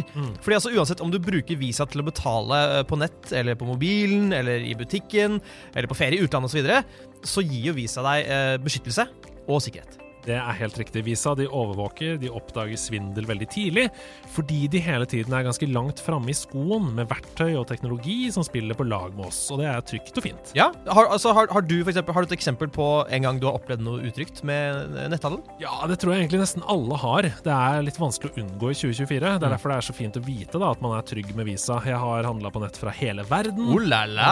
Oh, se på han, han handler på hele internett.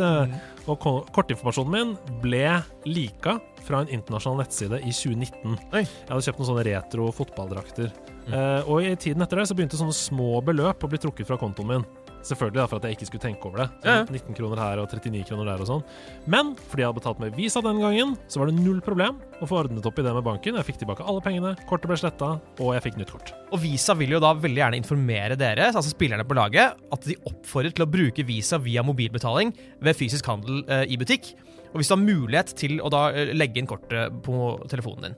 Og når det kommer til online-betalinger, så anbefaler de å bruke Visa-kortet som normalt. Altså bare legge inn informasjon. Ja, og Poenget med å snakke om det her, det er å understreke for alle dere som hører på, at dere er beskytta mot svindel når dere bruker visakort. Dersom noen bruker ditt visa til uautoriserte online-betalinger, gjennom hacking, eller hvis du rett og slett bare fysisk mister eller får stjålet kortet ditt, så står ikke du ansvarlig pga. Visa sitt Zero Liability-program. Så du er beskytta hvis visakortet ditt misbrukes, både online og offline. Og det er veldig digg å vite. Ja, Kjempedigg. Helt enig. Altså, selv om verden føles litt utrygg i 2024, så er du i hvert fall trygg når du bruker Visa til å betale. Enkelte begrensninger til Visa Zero Liability Program gjelder. Les mer på visa.no, eller kontakt din bank for å lære mer om hvilke vilkår som gjelder for din avtale. Nei, eh, da dere ba meg om å ha med et eller annet eh, eh, nerdete, så det, det var ganske mange ting å velge mellom. Uh, jeg hadde egentlig uh, Nei, vet du hva, jeg, jeg sier, sier hva jeg egentlig hadde tenkt å ha med etter at jeg har vist hva jeg har med. Men greia er at uh, det, dette er eh, noen gamle leker som jeg digga å leke med som kid, og så har kidsa mine fått de videre. Det er fint. Eh, og så Da jeg skulle ta den med For det greia er jo at Når de leker med det, så legger de jo de steder hvor jeg ender opp med å aldri finne det igjen. Og så by off chance, rett eh, etter at eh, En av dere, jeg husker ikke hvem av dere, det var det Andreas som sendte melding om eh, meny og ja, hva jeg skulle ha med og sånt.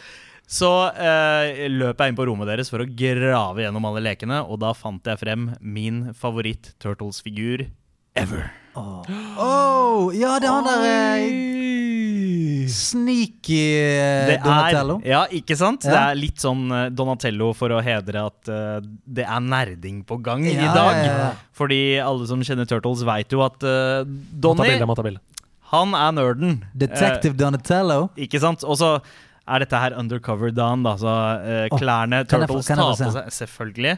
Uh, Undercover Dan, ass. ja, ja. Så eh, han har på seg en sånn trenchcoat og en hatt. Og ser kanskje litt ut som The Alley Rapist, men, men han Men har ikke penis, så jeg tror ikke at det går. Eh, men uansett. Men, men eh, eh, det som jeg, når jeg ser på noe, så får jeg så jævla god følelse. For at jeg òg hadde masse Turtles-leker. Ja. Og dette her Jeg ser at dette er en sånn som du hadde når du var liten. Ja. Mm. For dette her er liksom Det smilet, eh, altså alle de tærne og sånt, alt er så eh, akkurat sånn det skal være. For den eh, Jeg husker eh, du kunne kjøpe eh, våpen til dem. Han skal egentlig Ja. ha et våpen, skal han Ja, ja, ja, han skal også ha, faktisk ha en sånn maske. ja. Eh, sånn litt, nesten litt sånn Groucho Marx-maske. men Undercover eh, eh, ja, Undercover comedian. eh? Marx. Brothers. Men eh, jeg har altså Greia er at dette her var en figur eh, som jeg faktisk ikke hadde som liten, men som jeg alltid var keen på å uh, ha. Det var alltid den jeg sikla etter, men den var ikke å finne i butikken, for jeg tror de bare ble snatcha med Mm. en gang. Collectible. Ja. Ja, det er en uh, collectable. Uh, og jeg, eh, jeg var innom en sjappe. Det var Tarjei Strøm som eh, anbefalte en sjappe der var i Kjøben, Mm. København, som heter Ru Ruben og Bobby. Som har masse Altså, jeg, de har et rom fullt av gamle Turtles-figurer. Uh, alt av uh, biler og helikoptre og Eh, alt mulig. Hot Wheels og ja, ja, ja. Eh, ja og altså masse Star Trek, masse, masse He-Man-figurer, uh, masse Star Wars-figurer. Alt mulig. Til og med fucking Biker Mice from Mars-figurene, liksom. Søla. Ja, Mo Modo, Potta og Vinni. Uh, alle tre er der. Uh, men de har et helt rom dedikert til Turtles, og jeg følte meg som en liten Wow. kid igjen. Og jeg kjøpte alle figurene som jeg liksom hadde drømt om å ha, som jeg ikke hadde. Blant annet da Undercover Dan. Var, var de dyre? Faktisk ikke. Det koster mellom, eh, mellom eh, 20 og 100 danske kroner. Wow. Avhengig av eh, stand og eh, sjeldenhet. Det er jo helt rått. Ja, ja. Så, så jeg brant av sånn 2000 kroner der inne. Bare Barnet i meg bare Jeg hadde akkurat det samme. Jeg var i Tokyo. Så var vi i et sånt distrikt der de selger shitloads med figurer Ja, ja. og memorabilia fra spill og sånt. da. Altså, hadde jeg, eh, hadde jeg vært milliardær, så hadde jeg bare mm. Altså, jeg hadde bare kjørt en, en trøkk inn der. Og bare lesset inn, for det er bare så sinnssykt sinnssykt mye fett der. Eh, men du, takk for at du tok med deg litt av eh, barndommen, da. Det skulle bare mangle. That's why I'm here. Goomba eller Gondor? Og i dag er det vanskelig, mine damer og herrer. Det er Gomba eller Gondo, verdens beste, universets beste, galaksens beste spørsmålstegn. Gameshow på radio, podkast og overalt der du hører folk snakke. Eh, I dag så er det Sandeep Singh mot Andreas Hedemann. Eh, I dag er han vanskelig, folkens. I dag er han wow. vanskelig. Det her visste jeg ikke at vi skulle engang. Nei, det er, eh, det er en måte vi eh, øker sjansene våre til å vinne på. Ja, okay, okay. Hvor vi ikke sier det til gjesten. Gomma eller Gondor det er jo da et eh, gameshow hvor man spiller av noen uh, musikktracks. Kan ikke du fortelle? Eh, jo, dette her er jo uh, lydens eh, hage. Vi har tredd inn i her nå. Så det kan være musikk, det kan være lyd, det kan være stemmer, det kan være alt mulig. Men vi skal eh, som oftest fram til hvilket spill dette er fra. Ok. Og så i dag så er Vi pleier å ha en fellesnevner på slutten som man kan snatche seg et, eh, et bonuspoeng på. Men i, i dag så er det eh, bonusoppgaven en litt annerledes igjen. Okay, Vi ja. kommer til det. Rolig, Andreas. Vi kommer til det. Ja. Er rolig? Ja, jeg, jeg bare har så lyst til å vinne. Ja, men i, i dag så uh, blir, det, blir det ikke lett. Jeg har lagt den opp i følgende rekkefølge. Lett, OK, jævlig vanskelig. ok, ja, Oh, så, ja. ok, ok, ok. Vi kan begynne med den lette. Ok. Oi, Er Mortal. Kombat. Ja, nei, nei. Nei. jeg si Andreas, Andreas. Andreas. Andreas, ja. Det er Golden Eye. Ja, det er Golden Eye. Ja. Og det er Damn, er det ikke? Det den første stemmer, det. banen? Damn, son! Og du hører det, du hører det veldig nå. Der, ja!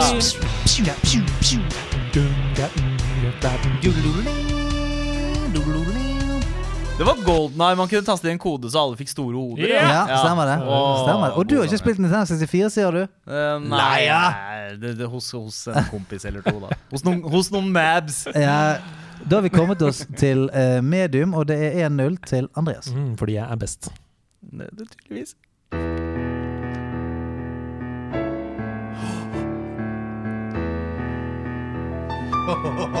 Oi, oi, oi, dette er kjent. kjent. vent, vent. Dette er veldig kjent. Sandeep. Ja, ja, ja. Det er ikke Sims? Jo, det er Sims! Jo, det er Sims ja. ja. Det er The Sims! Vanguard! Ja. Dette er når man går inn i sånn eh, build eh, Sånn ja, create mode. eh. det er- Ja, ja, ja. Wow, det var veldig bra. Fordi jeg bare jeg, jeg forbinder Sims med Bossa Nova for en eller annen grunn. Så jeg drev liksom Nei, nei, nei, det er Men, men å, jo. Det, det var Jeg, jeg hørte det. Raja Pasha! Og så så jeg for meg de gangene jeg har bygd mur rundt en av karakterene og bare fått den til å pisse og drite på seg og sånt. 1-1. Og denne siste her eh, Ja, da jeg skal pinadø meg rive i en øl på uh, Oi, oi, oi. om noen klarer oi, oi.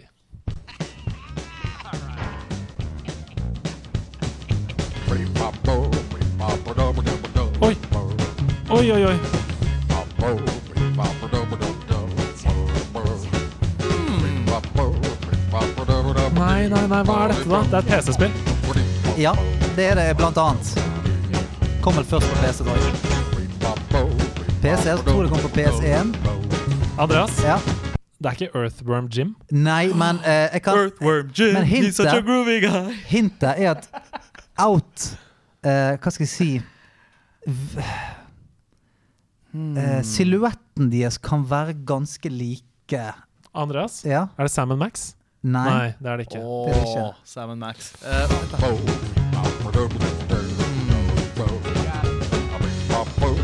Ja, men jeg har jo spilt. Sandeep, Ja. er det Day of the Tentacle? Nei, det er det ikke. Men vi Andreas? Ja. Det er ikke Lemmings. Nei.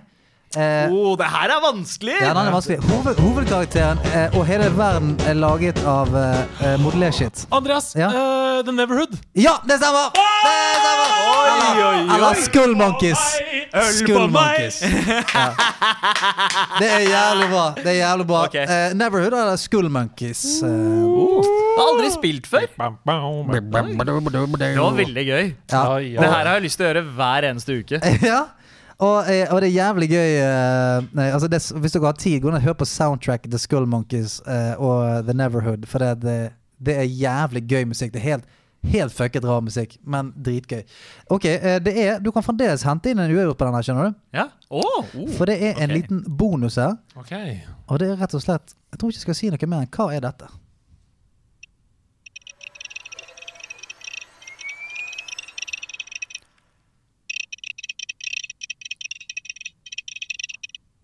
Å, det der høres kjent ut.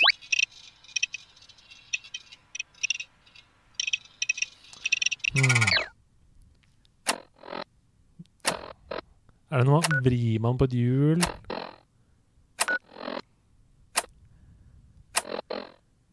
Å, herregud. Hva er dette, da? Jeg, jeg føler jeg Altså, det, det første jeg tenkte på, var uh, et pinballspill. Men uh, OK, Sandeep. Uh, er det Mist? Nei, Oi, det er altså, godt tipp. Det er, Det er godt tippet. Det er godt tippet, men jeg er ute etter tingen. Uansett. ja. Men det er ikke mist. Okay. Men det, dette okay. her er en, en ting som, har, som er veldig, veldig sentral Andreas? i ja? Er det en Pip-Boy? ja, det er Pip-Boy! Pip-Boy fra Fallout! Ja, det stemmer Ja. Oh! I dag er jeg så fuckings god, mann. Du må ikke gi en sånn seier. Da blir han bergensk og tar jobben min.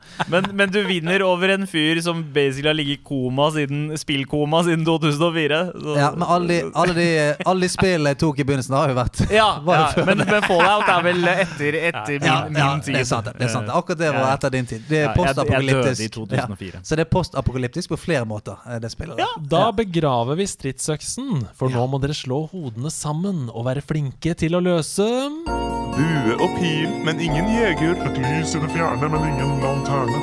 The cake is alive. spretter ved suksess. Kojima-koden, koden, koden.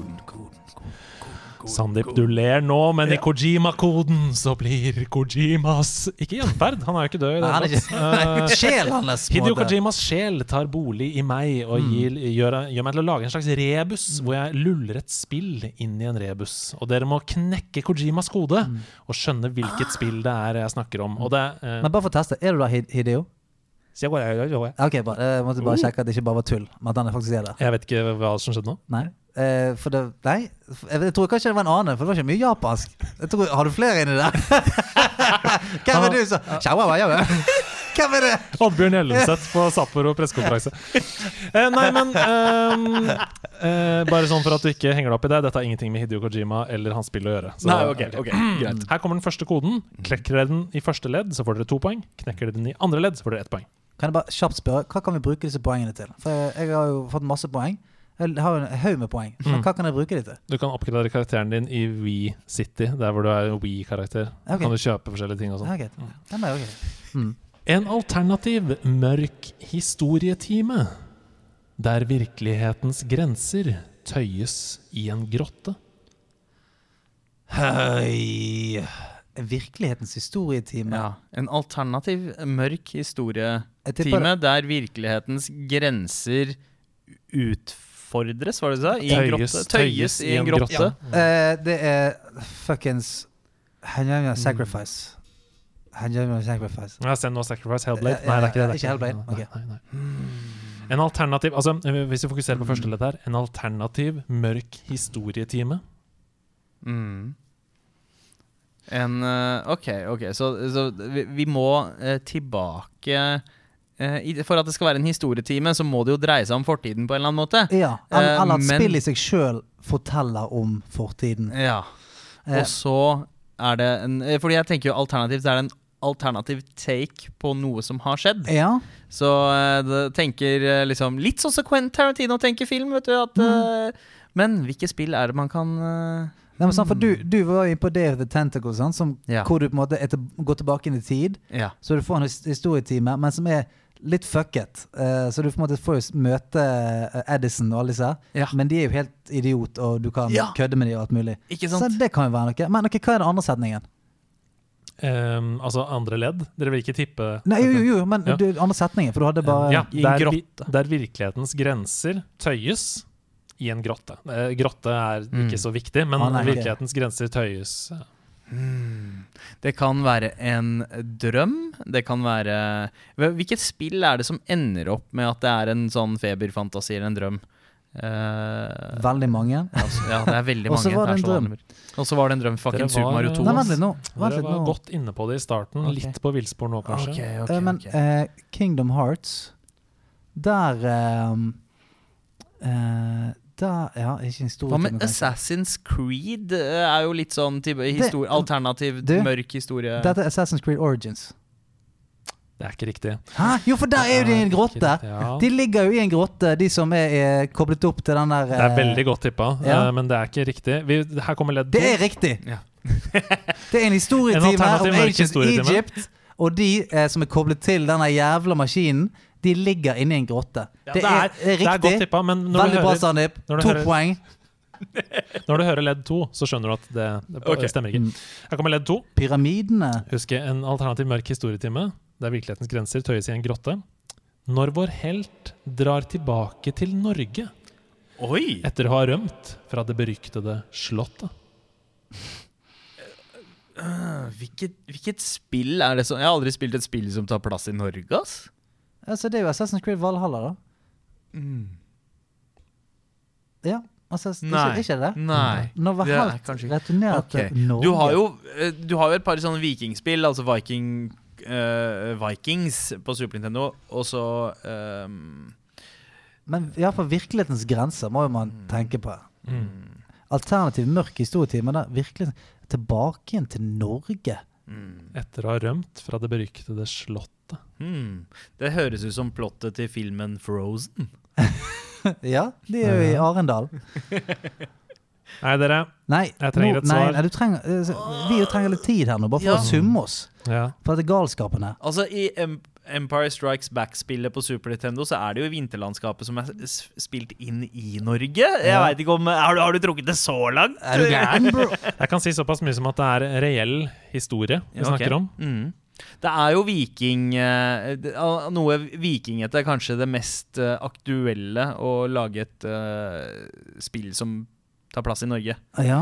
Eller Hva kan det er ikke 80 Days, er det? Nei, det kunne vært det, men det er ikke det. Er, det er ikke, Ja, det, er ikke. Hmm. det. Ja, Det dere. beryktede slottet. er det, er det, Har vi, har vi mer, mer å gå på, eller? Er det, Nei, jeg tror nesten jeg må ha et My svar Child. Lebensborn. Nei.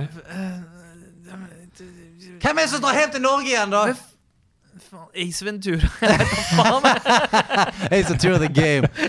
Nei, dere, dette er Return to Castle Wolfenstein. Oi! Ah, ja. Er, det, er den i Norge? Nei, altså Castle Wolfenstein er ikke i Norge, men Nei. i løpet av spillet så reiser da BJ Blazkowicz tilbake til Norge. Uh, og i den, i, der er det en grotte hvor de gjenoppliver nazister, døde nazister. Virkelighetens grenser tøyes, selvfølgelig. Og det er en alternativ mørk verden, for uh, i denne historielinjen så har jo da tyskerne vunnet krigen. Ah, Um, ja! Ah, ok, ok, ok. okay det var bra. Og Wolfenstein, altså. Jeg husker så godt. Og første gang jeg spilte det på eh, bestekompisen min sin fetter sin compact laptop i 1993. Eh, det, var, eh, det var tider. Og så og Doom, og så Duke Nukem. Fucking Duke Nukem. Har- Duke Nukem 3D. Beste. Det er det beste. Jeg har veldig stor tro på at dere skal klare denne her, okay. så uh, hold dere fast. Jeg skal drepe deg senere, selv om vi er venner. Among us. Nei, men det er godt tippa. Hmm. Uh, a way out. Jeg tror jeg skal lese den en gang til. Ja. Jeg skal drepe deg senere, Sel selv om vi er venner. Drepe deg senere, selv om, selv om vi er venner. Uh, OK. Hmm. Altså, hvor, Mm. hvor mange Det er Det- veldig mange spill. Det da. er så mange spill. Det kan være Ken og Ryu i Street Fighter. Det kan være eh, det, det kan være Moral Combat. Det kan være alle disse eh, Alle disse fighting-spillene, holdt jeg på å si, hvor man ender opp med å fighte folk man er på lag med. Pummel par Hmm. Er det Pummel Party? Oh, det er ikke det. Men det er i nærheten? Ja. For jeg, jeg tror dette her er direkte sånn Jeg skal drepe det senere selv om vi er venner. Det er tror ikke jeg er i spillet. Jeg tror det handler om spillet i seg sjøl. Å ja. At, at vi er venner, men jeg skal drepe deg senere. Ah, ja. Ja, Ja, kanskje det? Er det Nei, jeg, jeg aner ikke. jeg hva, tror det er det. Hva vil dere tippe, da? Uh, Fall Guys. Uh, Pummel Party. Hva, hva er Pummel Party? Pummel Party er et sånt spill uh, Et slags Mario Party for voksne. Ja, ja Så- fordi jeg kan tippe Mario Party. Det er riktig! Nei, er det det?! Det er riktig! Det er Mario Det er, vi skal det er, vet du hva, Andreas? Det er ingen som dreper hverandre i Mario Party. Nei, men uh, Det er ingen ok. som dreper hverandre. Dette um, Jeg skal slå deg i fiskespillet prøvde- selv om vi vinner. Det jeg prøvde å insinuere, var ting man sier til hverandre når man spiller dette spillet. Altså, vi For her alle så er- Her er kode nummer to, nemlig. Jeg skal drepe deg Sandra, selv om vi er venner. Hvis du ikke trekker i det tauet, eller hopper over det som brenner. Så faen, det var mye, var mye drapstrusler uh, i din vennegjeng uh, rundt noe så jævlig hyggelig som Mario Party. Ja, vet du hva, Hvis du tar en stjerne der, så dreper jeg den. Ja, men det, Og dreper jeg trynet ditt. sånn er det å vokse opp i Oslo øst. Tusen takk for at dere har spilt Kojima-koden. Det ble to poeng av fire mulige. Det er veldig bra, Det er fint, det. Her er du fire, så spalte. jeg.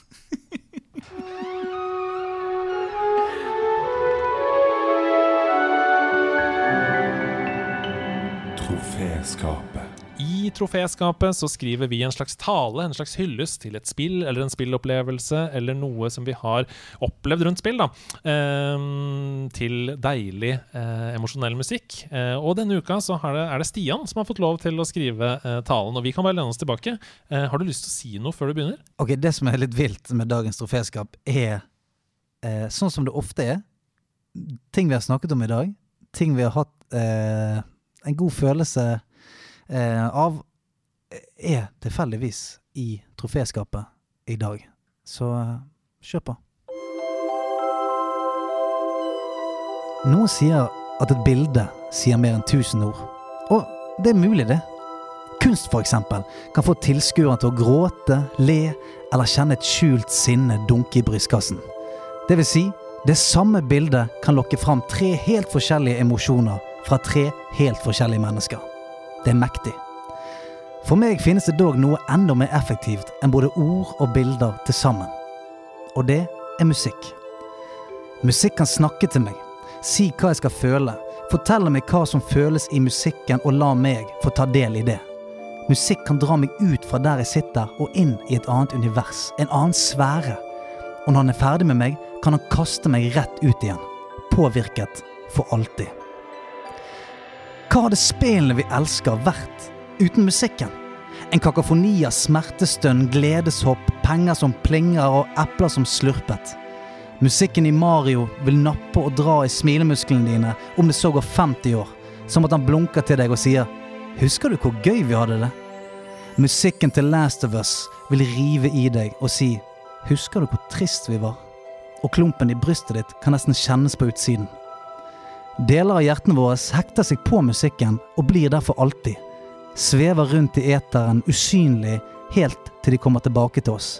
Ladet med de samme sterke følelsene som de hadde da vi forlot de. Min venn Andreas blir litt høyere hver gang han hører tonene fra Skyrim. I øynene så ser jeg at han et lite øyeblikk er i Whiterun før han returnerer til virkeligheten.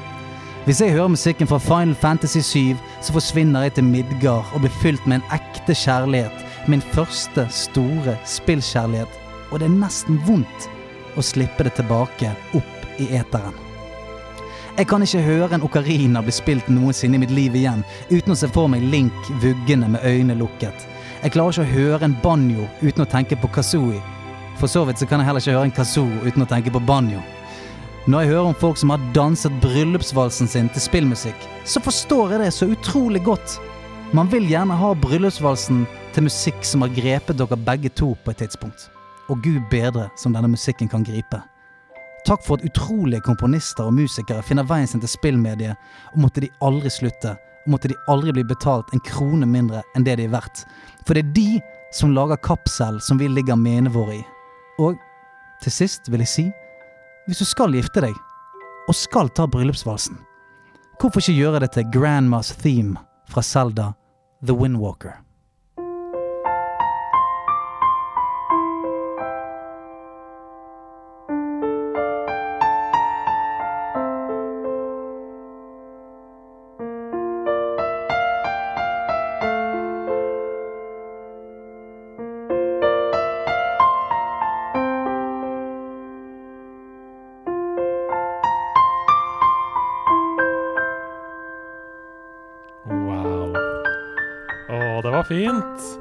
I halsen, ass.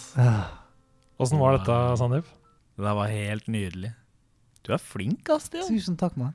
Det der var skikkelig, skikkelig fint. Og så er jeg jo 100% enig. Altså, altså den musikken i de spillene vi har spilt fra barndommen av, altså hvor heftig impact det gjør, bare du hører Altså, jeg, jeg har bare spilt Wind Waker én gang, men jeg kjenner liksom igjen den derre musikaliteten, den derre uh, fargetonen mm. i Zelda-musikken, som bare Ah, det, jeg begynner å tenke på mine Zelda-minner av det, og det å drive og se bort på kompiser mens man spiller, og bare sånn Du har akkurat klart det, å komme deg gjennom det slottet du har prøvd å komme deg gjennom de siste tre dagene, og du får det til, og den derre forbrødringa som oppstår Yes. det øyeblikket én knekker koden og finner the big key, og så bare ah, Alle de følelsene. Ah. Vi kommer til å huske det for alltid, og det gjør man. Ja. Det gjør man.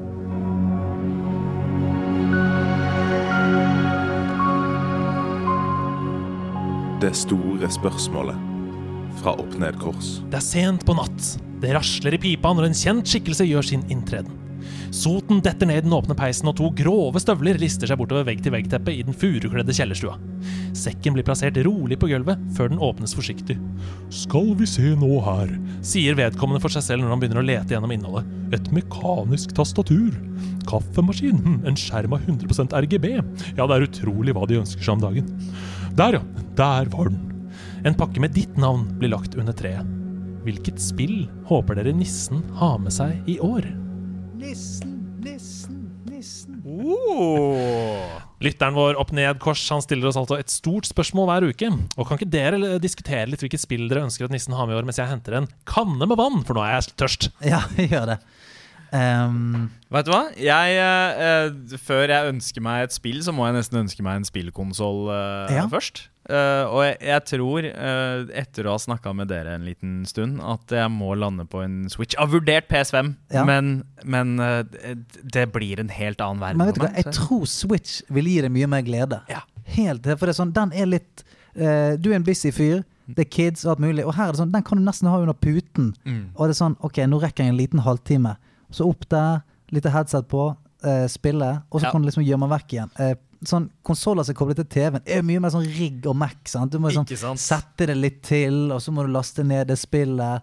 Eh, mens du som er en, eh, Du som er Nintendo-mann, hvis ikke du har spilt eh, Zelda eh, Breath of the Wild, eksempel, Ja, jeg har, jeg har ikke det nå. kommer til å blåse av trynet ditt. Åh, jeg vet hva, jeg har gleda meg så sjukt til eh, Breath of the Wild. Så, uh, og det kommer vel en ny nå, en sånn der, et Zelda som blandingsspill? Er det Hyrule Warriors? Yes. Og det fikk ganske det? bra anmeldelser, så jeg. Ja. Ja. Så, så vet du hva? av 10 på Pressfire. Oh, ja, men vet du hva? Jeg sier da eh, Breath of the Wild eller Hyrule Warriors under, uh, under mitt juletre. ass. vært snill, da, sånn, du? har du vært snill, gutt? Ah, oh, det er et krav nå. Ah, Faen, julenissen må være snill, da. Kom du- Har ikke man.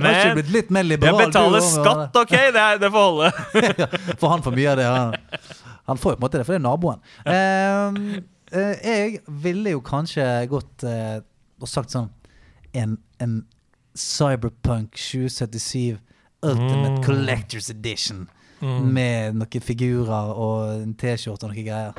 Altså, er, det cyber... er, det for, er det for mye? eller? altså, cyberpunk er ord jeg elsker. Eh, Men hva er det du refererer? Det det kommer et spill 10. Ja. Som er laget av The Witcher 3-utviklerne. Å ja! Altså, CD Project Red. Og det Ja. ser så mind-blowingly fett ut. Altså Det ser mind-blowingly fett ut. Og det har blitt utsatt da, fordi det er bare sånn, vi må pusse. Vi må, vi må få det helt perfekt. Ja. Og nå har de nylig sluppet litt mer eh, videoer og må, liksom, hvordan du kan customize characters og sånt. Det ser bare helt oh! fuckings insane ut. Altså, jeg, jeg elsker jo liksom cyberpunk-estetikk. Mm. Eh, Blade Runner er en av mine favorittfilmer. og så har du jo Husker dere Beneath a Steel Sky? Mm. PC-spillet, som også var veldig sånn Mm. cyberpunkete. Altså, Den estetikken er så fett. Så det, det der og, og Keanu Reeves spiller i det spillet der.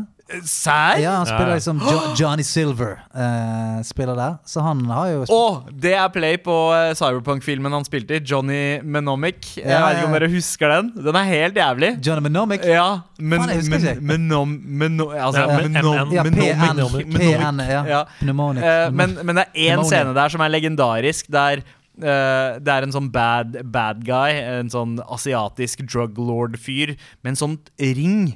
Som, uh, sånn tommelring. Han, han har tommelring. Han er en sånn fet dude som går rundt med tommelring. Som også har et sånn lasersverd. Sånn derre Wow. lasertråd da, som han driver og flinger rundt. Så bare skyter han- ut av ringen? Ja, altså Han slicer folk in half med den ringen. Og uh, han Det er en dude han tar og slicer diagonalt, og han merker det ikke sjøl. Så overkroppen hans bare sklir ned. Vet du hva, Jeg trekker det tilbake. Jeg vil ha den ringen til han duden. Okay. Uh, ja. Det som er fint med jul, er jo ofte at man kan ønske seg ting som man ikke nødvendigvis ville kjøpt seg selv. Fordi eh, vi som er voksne, det er veldig kjedelig å si at vi kan jo bare kjøpe oss det vi ønsker oss. ikke sant? Eh, så derfor så uh, ønsker man seg nye og annerledes opplevelser. Det var sånn jeg oppdaga Bajonetta, f.eks. Ja. Et spill som jeg aldri ville ha kjøpt selv, men som jeg fikk i gave, og som jeg nå virkelig elsker. Et av mine all time favorites. Så Derfor så ønsker jeg meg Devil May Cry til Ja. PlayStation 5. For jeg har aldri spilt noen av de spillene, men på Metacritic så ligger det på andreplass av de top rated games. ja, men det er, det er veldig, veldig bra. Så, så det ønsker jeg meg til jul. Mm, bak deg her inne i studio så henger det en enorm korktavle, sånn som Ja, hang i alle kjellerstuer små, med masse lapper som er sendt inn fra uh, lytterne våre. Nå ser det ut som et kaos her, for det, det er bare halvavrevne lapper. Altså, og, det, er, det har, nærmer seg juleferie. du har begynt å spikre opp sokkene dine. Begynt å tørke sokkene dine Ja. på korktavlen. sånn. Det vil ikke ha noe av. Uh, vi har de ned derfra. Men heldigvis så har det kommet inn noen MP3-filer òg, så hvis du tar ned den flash-pinnen som henger bak deg Gidder du å ta den, Sander? Skal vi se, der jeg rekker Ja, der. ja, Fint. Da skal jeg bare sette den inn i Mac-en her. Sånn. eh, og så- ta imot. Takk. Og der. Det er bra lyd. Ja. Er det ta imot-lyden? Hallo, Blipp, Hedo og gjest. Dere tidligere i podden sagt deres meninger om Red Dead 2. Men nå, etter å ha nylig tatt opp igjen, har jeg oppdaget at de har lagt til fast travel tilbake til campen. Betyr det at det dermed er en mulighet for å ta det opp igjen, eller er det skipet helt seilt? Med vennlig hilsen Arthur Gulla. Takk skal du ha, Arthur Gulla. Ja, jeg kan jo bare si først at jeg har jeg sjekka Fordi på PlayStation 5 så har det kommet en sånn ny feature hvor du kan se hvor mange timer du har spilt alle spill. Altså oh, fra historien. Så nei, å nei, å nei. Og jeg ser at jeg har 106 timer i Red Dead Redemption 2. Så eh, jeg har jo spilt hele spillet. Jeg har spilt epilogen, jeg har spilt det ferdig. Så for meg så er det ikke noe å ta opp igjen. Jeg er ferdig med Red Dead 2. Men du ga deg vel på et tidspunkt? Jeg ga meg på et tidspunkt, ja. Eh, jeg spilte vel kanskje en 35 timer Mm. er i det. Og mye av kritikken ja. Sandip, da, som vi har snakka om før, er at det ble for simulerende. Altså det er, det tar, Alt tar lang tid. Mm. Og en av de tingene var at du kan ikke fast-travele tilbake, f.eks. Ja. Eh, du må, du må Ja. ri tilbake. Ikke til- sant? ikke sant? Det er eh, minutt for minutt. Uh, Ja, det er litt sånn, altså. ja. For I begynnelsen så er det veldig kult, for da rir du, og så er det sånn Faen, så fett det er. Og eh, det, for det ser jo helt supersexy ut. Mm. Og så, men på gang nummer ti, når du tar den samme liksom, melkeruten hjem til campen, så er det sånn ah, OK, greit, skal vi se. Eh, litt raskere. Og så etter hvert, så er det sånn Noen ganger blir du sendt til en by. You gotta talk to crazy Johnny! Så rir du i syv minutter. Så sier du sånn Are you crazy Johnny? Så sier han Yes, I am! Og så bare OK, nå må du tilbake til campen. Og bare sånn Å ja, var det det jeg skulle gjøre? Og så er det bare snu. Syv minutter. Så er det bare sånn Da nå har jeg spilt et kvarter. Jeg har bare gått opp og, og sett en fyr drite i buksen. Og så har jeg gått tilbake til campen. Det har ikke skjedd noe. Og eh, det er så mye riing, da. Men la oss svare Arthur Gulla, da. Vil dette hjelpe deg? Ja, altså, hvis det er, eh, hvis det er fast travel jeg, Men jeg, jeg vil jo ha fast travel til alle stedene jeg har oppdaget. Mm. Så hvis jeg har oppdaget en stor by, så vil jeg gjerne fast travel til den. For det, i Red Dead det er så forbanna svært map. Sånn Ja. at eh, hvis det er en by jeg har oppdaget til helvete i nord, så vil jeg kunne swappe opp til den hvis jeg er i byen helt til sør. For det, det, det som jeg synes er kjipt, er hvis jeg er i byen helt til sør, så er det sånn, så vil jeg helt opp til nå, Så tenker jeg sånn Men det gidder jeg ikke. Ja. Ta en halvtime. Ja, jeg Kunne har- de ikke bare introdusert en okarina i Red Dead? Ja. Som bare Munnspill? Mun, ja, som man bare du, du får en sånn superrask stallion Ja. kommer ridende inn, som du kan litt bare Woof Hadde ikke det vært Hvorfor er ikke du Ja. spillutvikler? Det hadde der jeg bare Sånn I learned song of fast travel. Så bare forsvinner han. Dukker opp et annet sted. Å, det var et nydelig svar. Ok, Vi går på neste spørsmål her.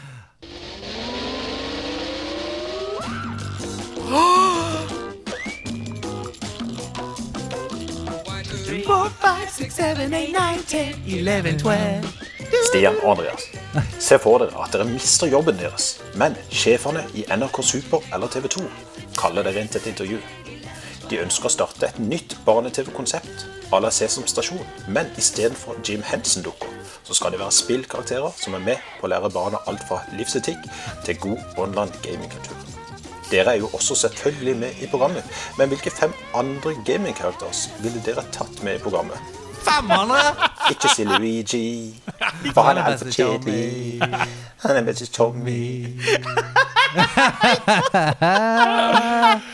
Ok, så hvilke uh, Faen, det er høyt nivå, altså. Ja, veldig, Dette er høyt veldig nivå. høyt Tusen takk for at dere sender inn disse. Altså. Det, Faen, det er er bra gøy. spørsmål, ass. Ja. Og så liten fun fact. Visste dere at det er Herbie Hancock som har laget uh, Er det den? Sesame Street-greia der? hører jo hvor groovy det er. Ja, ja, det er en bassist, da. Du hører det. Så Men eh, ok, one, legg two, vekk, three, four, five, six, seven. legg vekk fem karakterer, da. Blæh. Det- Ikke forhold dere til det. Men hvilke liksom, uh, spillkarakterer ville gjort en god jobb i barne-TV sammen med oss? Ja, eh, la, tre, da? la oss velge én hver først, og så kan vi bli okay. enige om to til etterpå. Jeg velger meg Claptrap fra uh, Borderlands-serien. Ok, Bare en irriterende, sarkastisk Ja, men hva, Hvilke barne-TV-karakterer er det som ikke egentlig er litt irriterende og sånn «Åh, Hei, jeg heter Ja, Bjarne! ja, ja, er det. Fantorangen er dritirriterende. Ja, ja, Kan man velge det. Bindersen fra Office? Oi, Eh, oi, oi, oi, oi. Ja. Ja, det er en slags spillkarakter. For han hadde ikke, trengt, han hadde ikke, hadde ikke trengt å være på en måte on screen. Han kunne bare poppet opp i hjørnet av TV. Sånn. Ikke sant? Er Husk å puste strekke, da, folkens! Og så er han vekk igjen. er det å strekke det langt å kalle Word for et spill? Uh, Ja. mm, Du altså, spiller altså, jo på tastaturet. for, Ja, for sant, indere så er jo Microsoft Excel et spill. Oi, Eh, oi, oi, oi, oi. Ja. Accountant. An Du gjorde det igjen. Du gjorde det faktisk ja. det igjen. Sorry. Han har Sorry lov, altså. han har lov, folkens! Slapp Jeg så Indiana Jones Temple of Doom i går, OK? La meg være litt racist oppi det egen her. Nei, jeg sier Ok, Claptrap fra Borderlands. Claptrap fra Borderlands. Bindersen i Word. eh, Ja, men det får gå, det får gå for Nei, gangen. men vet du hva? Jeg er veldig glad i litt uh, skumle karakterer i barne-TV. Jeg vokste opp med liksom, eh, litt scary ass shit på barne-TV. Så um, tenker Shiva fra Mortal Kombat-spillene. Oi, wow. Ok. Hun, uh, hun eller hen, eh, eller Ja. han. Jeg, jeg, jeg er litt usikker på er kjønnsidentiteten, Ja, men jeg hen. tror det Vi satser er på hen, satser på hen. Mm. Høy, uh, liten sånn genie Masse eh, armer. dot, og, ja, eh, Masse armer. Husker ikke om det var fire eller seks armer, men noe rundt der. Og uh, nesten litt sånn Borat, uh. Mankini-vibe. Eh. Ja, Veldig merkelig klesvalg, men selvfølgelig når du har Ja. så mange armer, så må du ha uh, freedom of uh, sant? Du må ha full range of motion. Heldigvis så har man tilgang til NRKs eh, kostymelager, Ja. så det, man kan dresse, Sant? de lager, dresse de lager litt, en sånn eh, seksarmet uh, Ja, ja, ja, Se på Maskorama, da, folkens. Ja, ja, ja, ja, ja. Ok, så det er Det, det hadde vært veldig gøy hvis Shiva var med på Maskorama. Det er, sånn, det, er, det, det er nok Shiva. Jeg ser, det er, hun har seks armer, så det, det tror jeg nok er hun. Hvem velger du da? Ja, for Shiva, du er inne på noe godt der. For det er sånn, Da kunne det vært en der som var sånn Kunne lære unge jenter at sånn Stand up for yourself. Bare sånn, Mm, Se hva jeg gjorde med for, forrige duden som uh, køddet med meg, og så er det bare klippet en sånn fatality hvor hun bare river ut ryggraden hans. Yes! Så kan hun si sånn Det er det vi jenter Vi jenter kan òg gjøre det. Ja, Ja, det vi òg kan rive ut ryggraden på folk. Men hva med en litt sånn språkkyndig karakter, da? Eh, Som kan mange språk? Som kan, for nå har vi liksom Vi har dekka det, mange ulike Mm. kunnskapsfelt der, men kanskje ikke helt det derre Har vi dekket mange ulike Nei, vi har ikke det. Vi har Vi har en som banker dritten ut av hverandre, og en som er sarkastisk. Så vi, vi må ha noen gode verdier inne snart. Nå, eh, nå. Oh. Ja. Um, hva med Hva med Hva med Professor Oak fra Pokémon? Ja, sant. Ja, han kunne vært eh, god der. Trygg og god far som er sånn mm, 'Husk å ta med deg boka hvis du skal ut i naturen.' Ja, ja, ja, ja. Ja, fordi jeg hadde tenkt å foreslå uh, Dr. Light fra Megaman. Ja. At han kunne hatt et sånn eget sånn science-forskningsprogram. Liksom Beakmans World-aktig. Ja. Så, eh, så vi keeper en, en professor inn her, så ja, kan lære litt. Ja, Ja, ja, så, ja, ja Oak eller, eh, eller Dr. Light. Ok, et par kjappe spørsmål til slutt her. Ja, vi har tre, i hvert fall. Ikke? Mm. Ja, men jeg tror vi må gi oss der. Jeg har lyst, jeg har lyst på jeg har bare, Kjapt. Jeg har lyst på Yoshi, kun av at eh, Sånn som David Letterman hadde Will it blend? Ja! Så er det sånn Will he eat it? ja. Så sånn, i, dag, ja, I dag har vi en komfyr, og så kommer det vignett. Vil han spise den? Og så trommevirvel. Drrrr, Glom. Jeg ble, jeg ble veldig glad, for jeg så for meg at du skulle putte Yoshi i en blender. Og det, Nei, nei, nei, nei, Så, nei. så, så det, det, Ja, det var bra. ja, det, det Aldri. Fin Kjapt spørsmål til deg, Stian. Fra Brylle. Uh, hvor mye played har du in game på WoW? Har du noen gang tatt en slash played på alle characters og fått en cirka-tid? Hvis ikke, er vel kanskje nå tiden inne? Det blir stas, eller? Spørsmålstegn. Det har jeg aldri turt. Eh, shit balls, hvor mange det er. Jeg tipper, hvis jeg skal tippe, da, så tipper jeg et år av livet mitt har gått vekk. Altså real 365 real playdays. Ja, altså, det, er, det er ikke langt ifra, tror jeg. Mm. Jeg skal, jeg, jeg- skal ta og sjekke. Ja, for det er nesten Det nærmer seg 10 000 timer, da. Ja. And that's why I'm, det er derfor jeg lever av det. Nei, jeg gjør ikke det. Ikke det Hvor gammel er du nå, Stian? Eh, 32? Nei. Ja, snart, snart 31. 31. Mm. 31. Det sies jo at vi, man må spille 10 000 timer, eller trene 10 000 timer for Ja. å bli god i noe. Så det er Ja. Ikke sant? Mm. Hvilke spillkarakterer ville dere valgt hvis dere skulle ha vært stuck på Røros en iskald vinterdag? Når det snør sidelengs og gradestokken kryper mot minus 30? Ja. Hilsen Joakim. Bra trønder. Ja. Jeg vet ikke hvorfor, jeg, for det er jo sikkert Røros her. Ja, ja, men Det er han cool-kongen som kunne flydd oss vekk derfra. Ja. oh, For jeg Eh, tenker omvendt, ikke sant? Jeg tenker sånn Hvem skal man være, eller hvem skal man ha med seg? Jeg tenker en av uteliggerne fra Streets of Rage, for han har sånn tønne. tønne med ild. Ja, men for du, du, ten, du tenker at han uteliggeren hvis, hvis du sier sånn Hei, skal vi fly til Røros? Så er sånn Ja, men jeg må ha med meg den tønnen min. Ja, men det skal være stuck på Røros en iskald vinterdag. Ja, Det er minus 30. Okay. Jeg har ha tønna som brenner. Ja, men, må, Men han, han- må jo ta med seg fra da, The Streets of Rage, da, hvor han bor. Ja. Jeg vil, eh, jeg vil ha uh, Funky Kong, for han kan få meg Ja, the fuck out of there. Ja, det er det. sant? Og flyr dere vekk. Ja. Ja. Nei, eh, da ville jeg hatt um, Er det noen guder der som kan på en måte forandre været? De trenger vi kanskje. Altså En som bare kunne vært der og bare sånn Og så er det sånn Nå er det vint Nei, nå er det sommer her. Ja, sommer eh, på Røros. Det Og så kommer nyhetssakene sånn Verden er gått til helvete, for det er plutselig sommer på Røros. Ja. All snøen har smelta. But we would know. OK, det var meget gode svar på Korkdalva denne uka.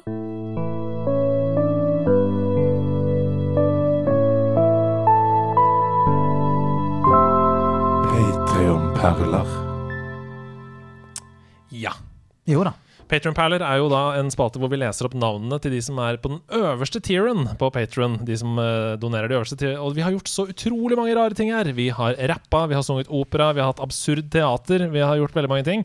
Denne uka har jeg fått ansvaret for å gjøre dette. Det blir ikke noe mindre rart denne uka. Monsieur, madame, Bonjour. Nous aimerions Alexander Howland. C'est croisane quand même articulant. Mon Dieu, quand même pendant bang, fort buck, les breteurs bientôt chanteront de la sonde. Parfois en France, Caroline Gandalen. Les universités, elles filment comme fleurettes. Le hypnotiseur, Firosaurus Bellisier, c'est officier, Fuspio la supérieure. Elle limite Goomba au grain de riz. On oiseau, avant que tous rire qu'on a la parole. oh, bonjour, bonjour, bonjour. Henrik Appeland, falt attention, l'obelisk, que vågar place Hammarhögernäs Kvinnsland. Ivan Olin, back på tipp och kassé, ingratis i avokatvante. Och så sansar han värtig och snick, la famille royale imagine. Jim Carter Olsen, Nofs Kladdisen arm og Jon David Johnsen. Testateur Exil Torren Jonsings Onkoloven Melange, la Caroline Mys, Latist, irrealist Magnus Nilsson på Roi, Marius Hauge, Bass og Godzilla. Le Haronet, Botswana, Marius Heim, Matilone Lone, Lula, Les Cartomansia, morda Ola Theodor Klingen, Det kommer nå, nå se vår Ole Martin på konsert med Remmazola Lindetusj. Kommandle er hos til Katrine Gunnesen, Simen Folkvord, så opp og sapp og sjå. La lyby ned opp hånd, snipp, snapp, Snorre Martinsen. Thomassen, der er klør, prononser, supprimer, Tore Dallaker. Kom igjen, prononcer, supprimer, Tore Ja, Prononcer Tore Dalaker. Prononcer, supprimer, Tore Dalaker.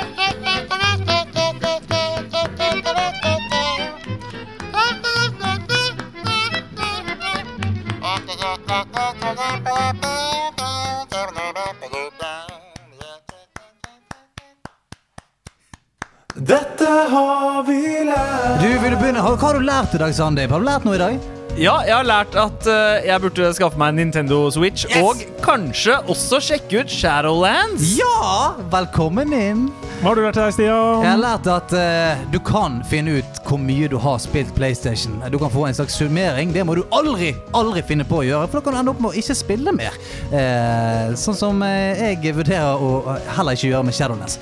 Vi har lært det at det går an å være en musikknerd, en filmnerd og bare en all around nerd på en og samme gang. Og det er veldig fint. Det er en slags superhelt. Det er en en mutant. Vet du hva jeg har lært? Ja. Jeg har lært at meksikaneren i GTA1 sa noe om en donkey etter Ja, ja. denne kretsen. You're a donkey! Fuck you! sa han. I'm gonna show you my donkey! Eh, Var det han sa? Det hørtes ikke så bra ut, dette. men han sa, han sa kanskje det òg. Vet du hva? Og vi har nok en gang lært at eh, er det ett lag du har lyst til å være på, så er det nerdelandslaget. Eh, Så tusen tusen takk for at dere hører på oss, eh, og tusen tusen takk for at du er på besøk. Sandeep, det har vært en sann glede å ha deg her. Det var helt nydelig. Og for et spor vi driver og prater over nå! Hæ? Yes! Nå koser vi oss. Er det noe du har lyst til å legge til til slutt, nå som det er desember og jula snart kommer? Åh, Vet dere hva? Jeg elsker dere. Vi elsker deg også.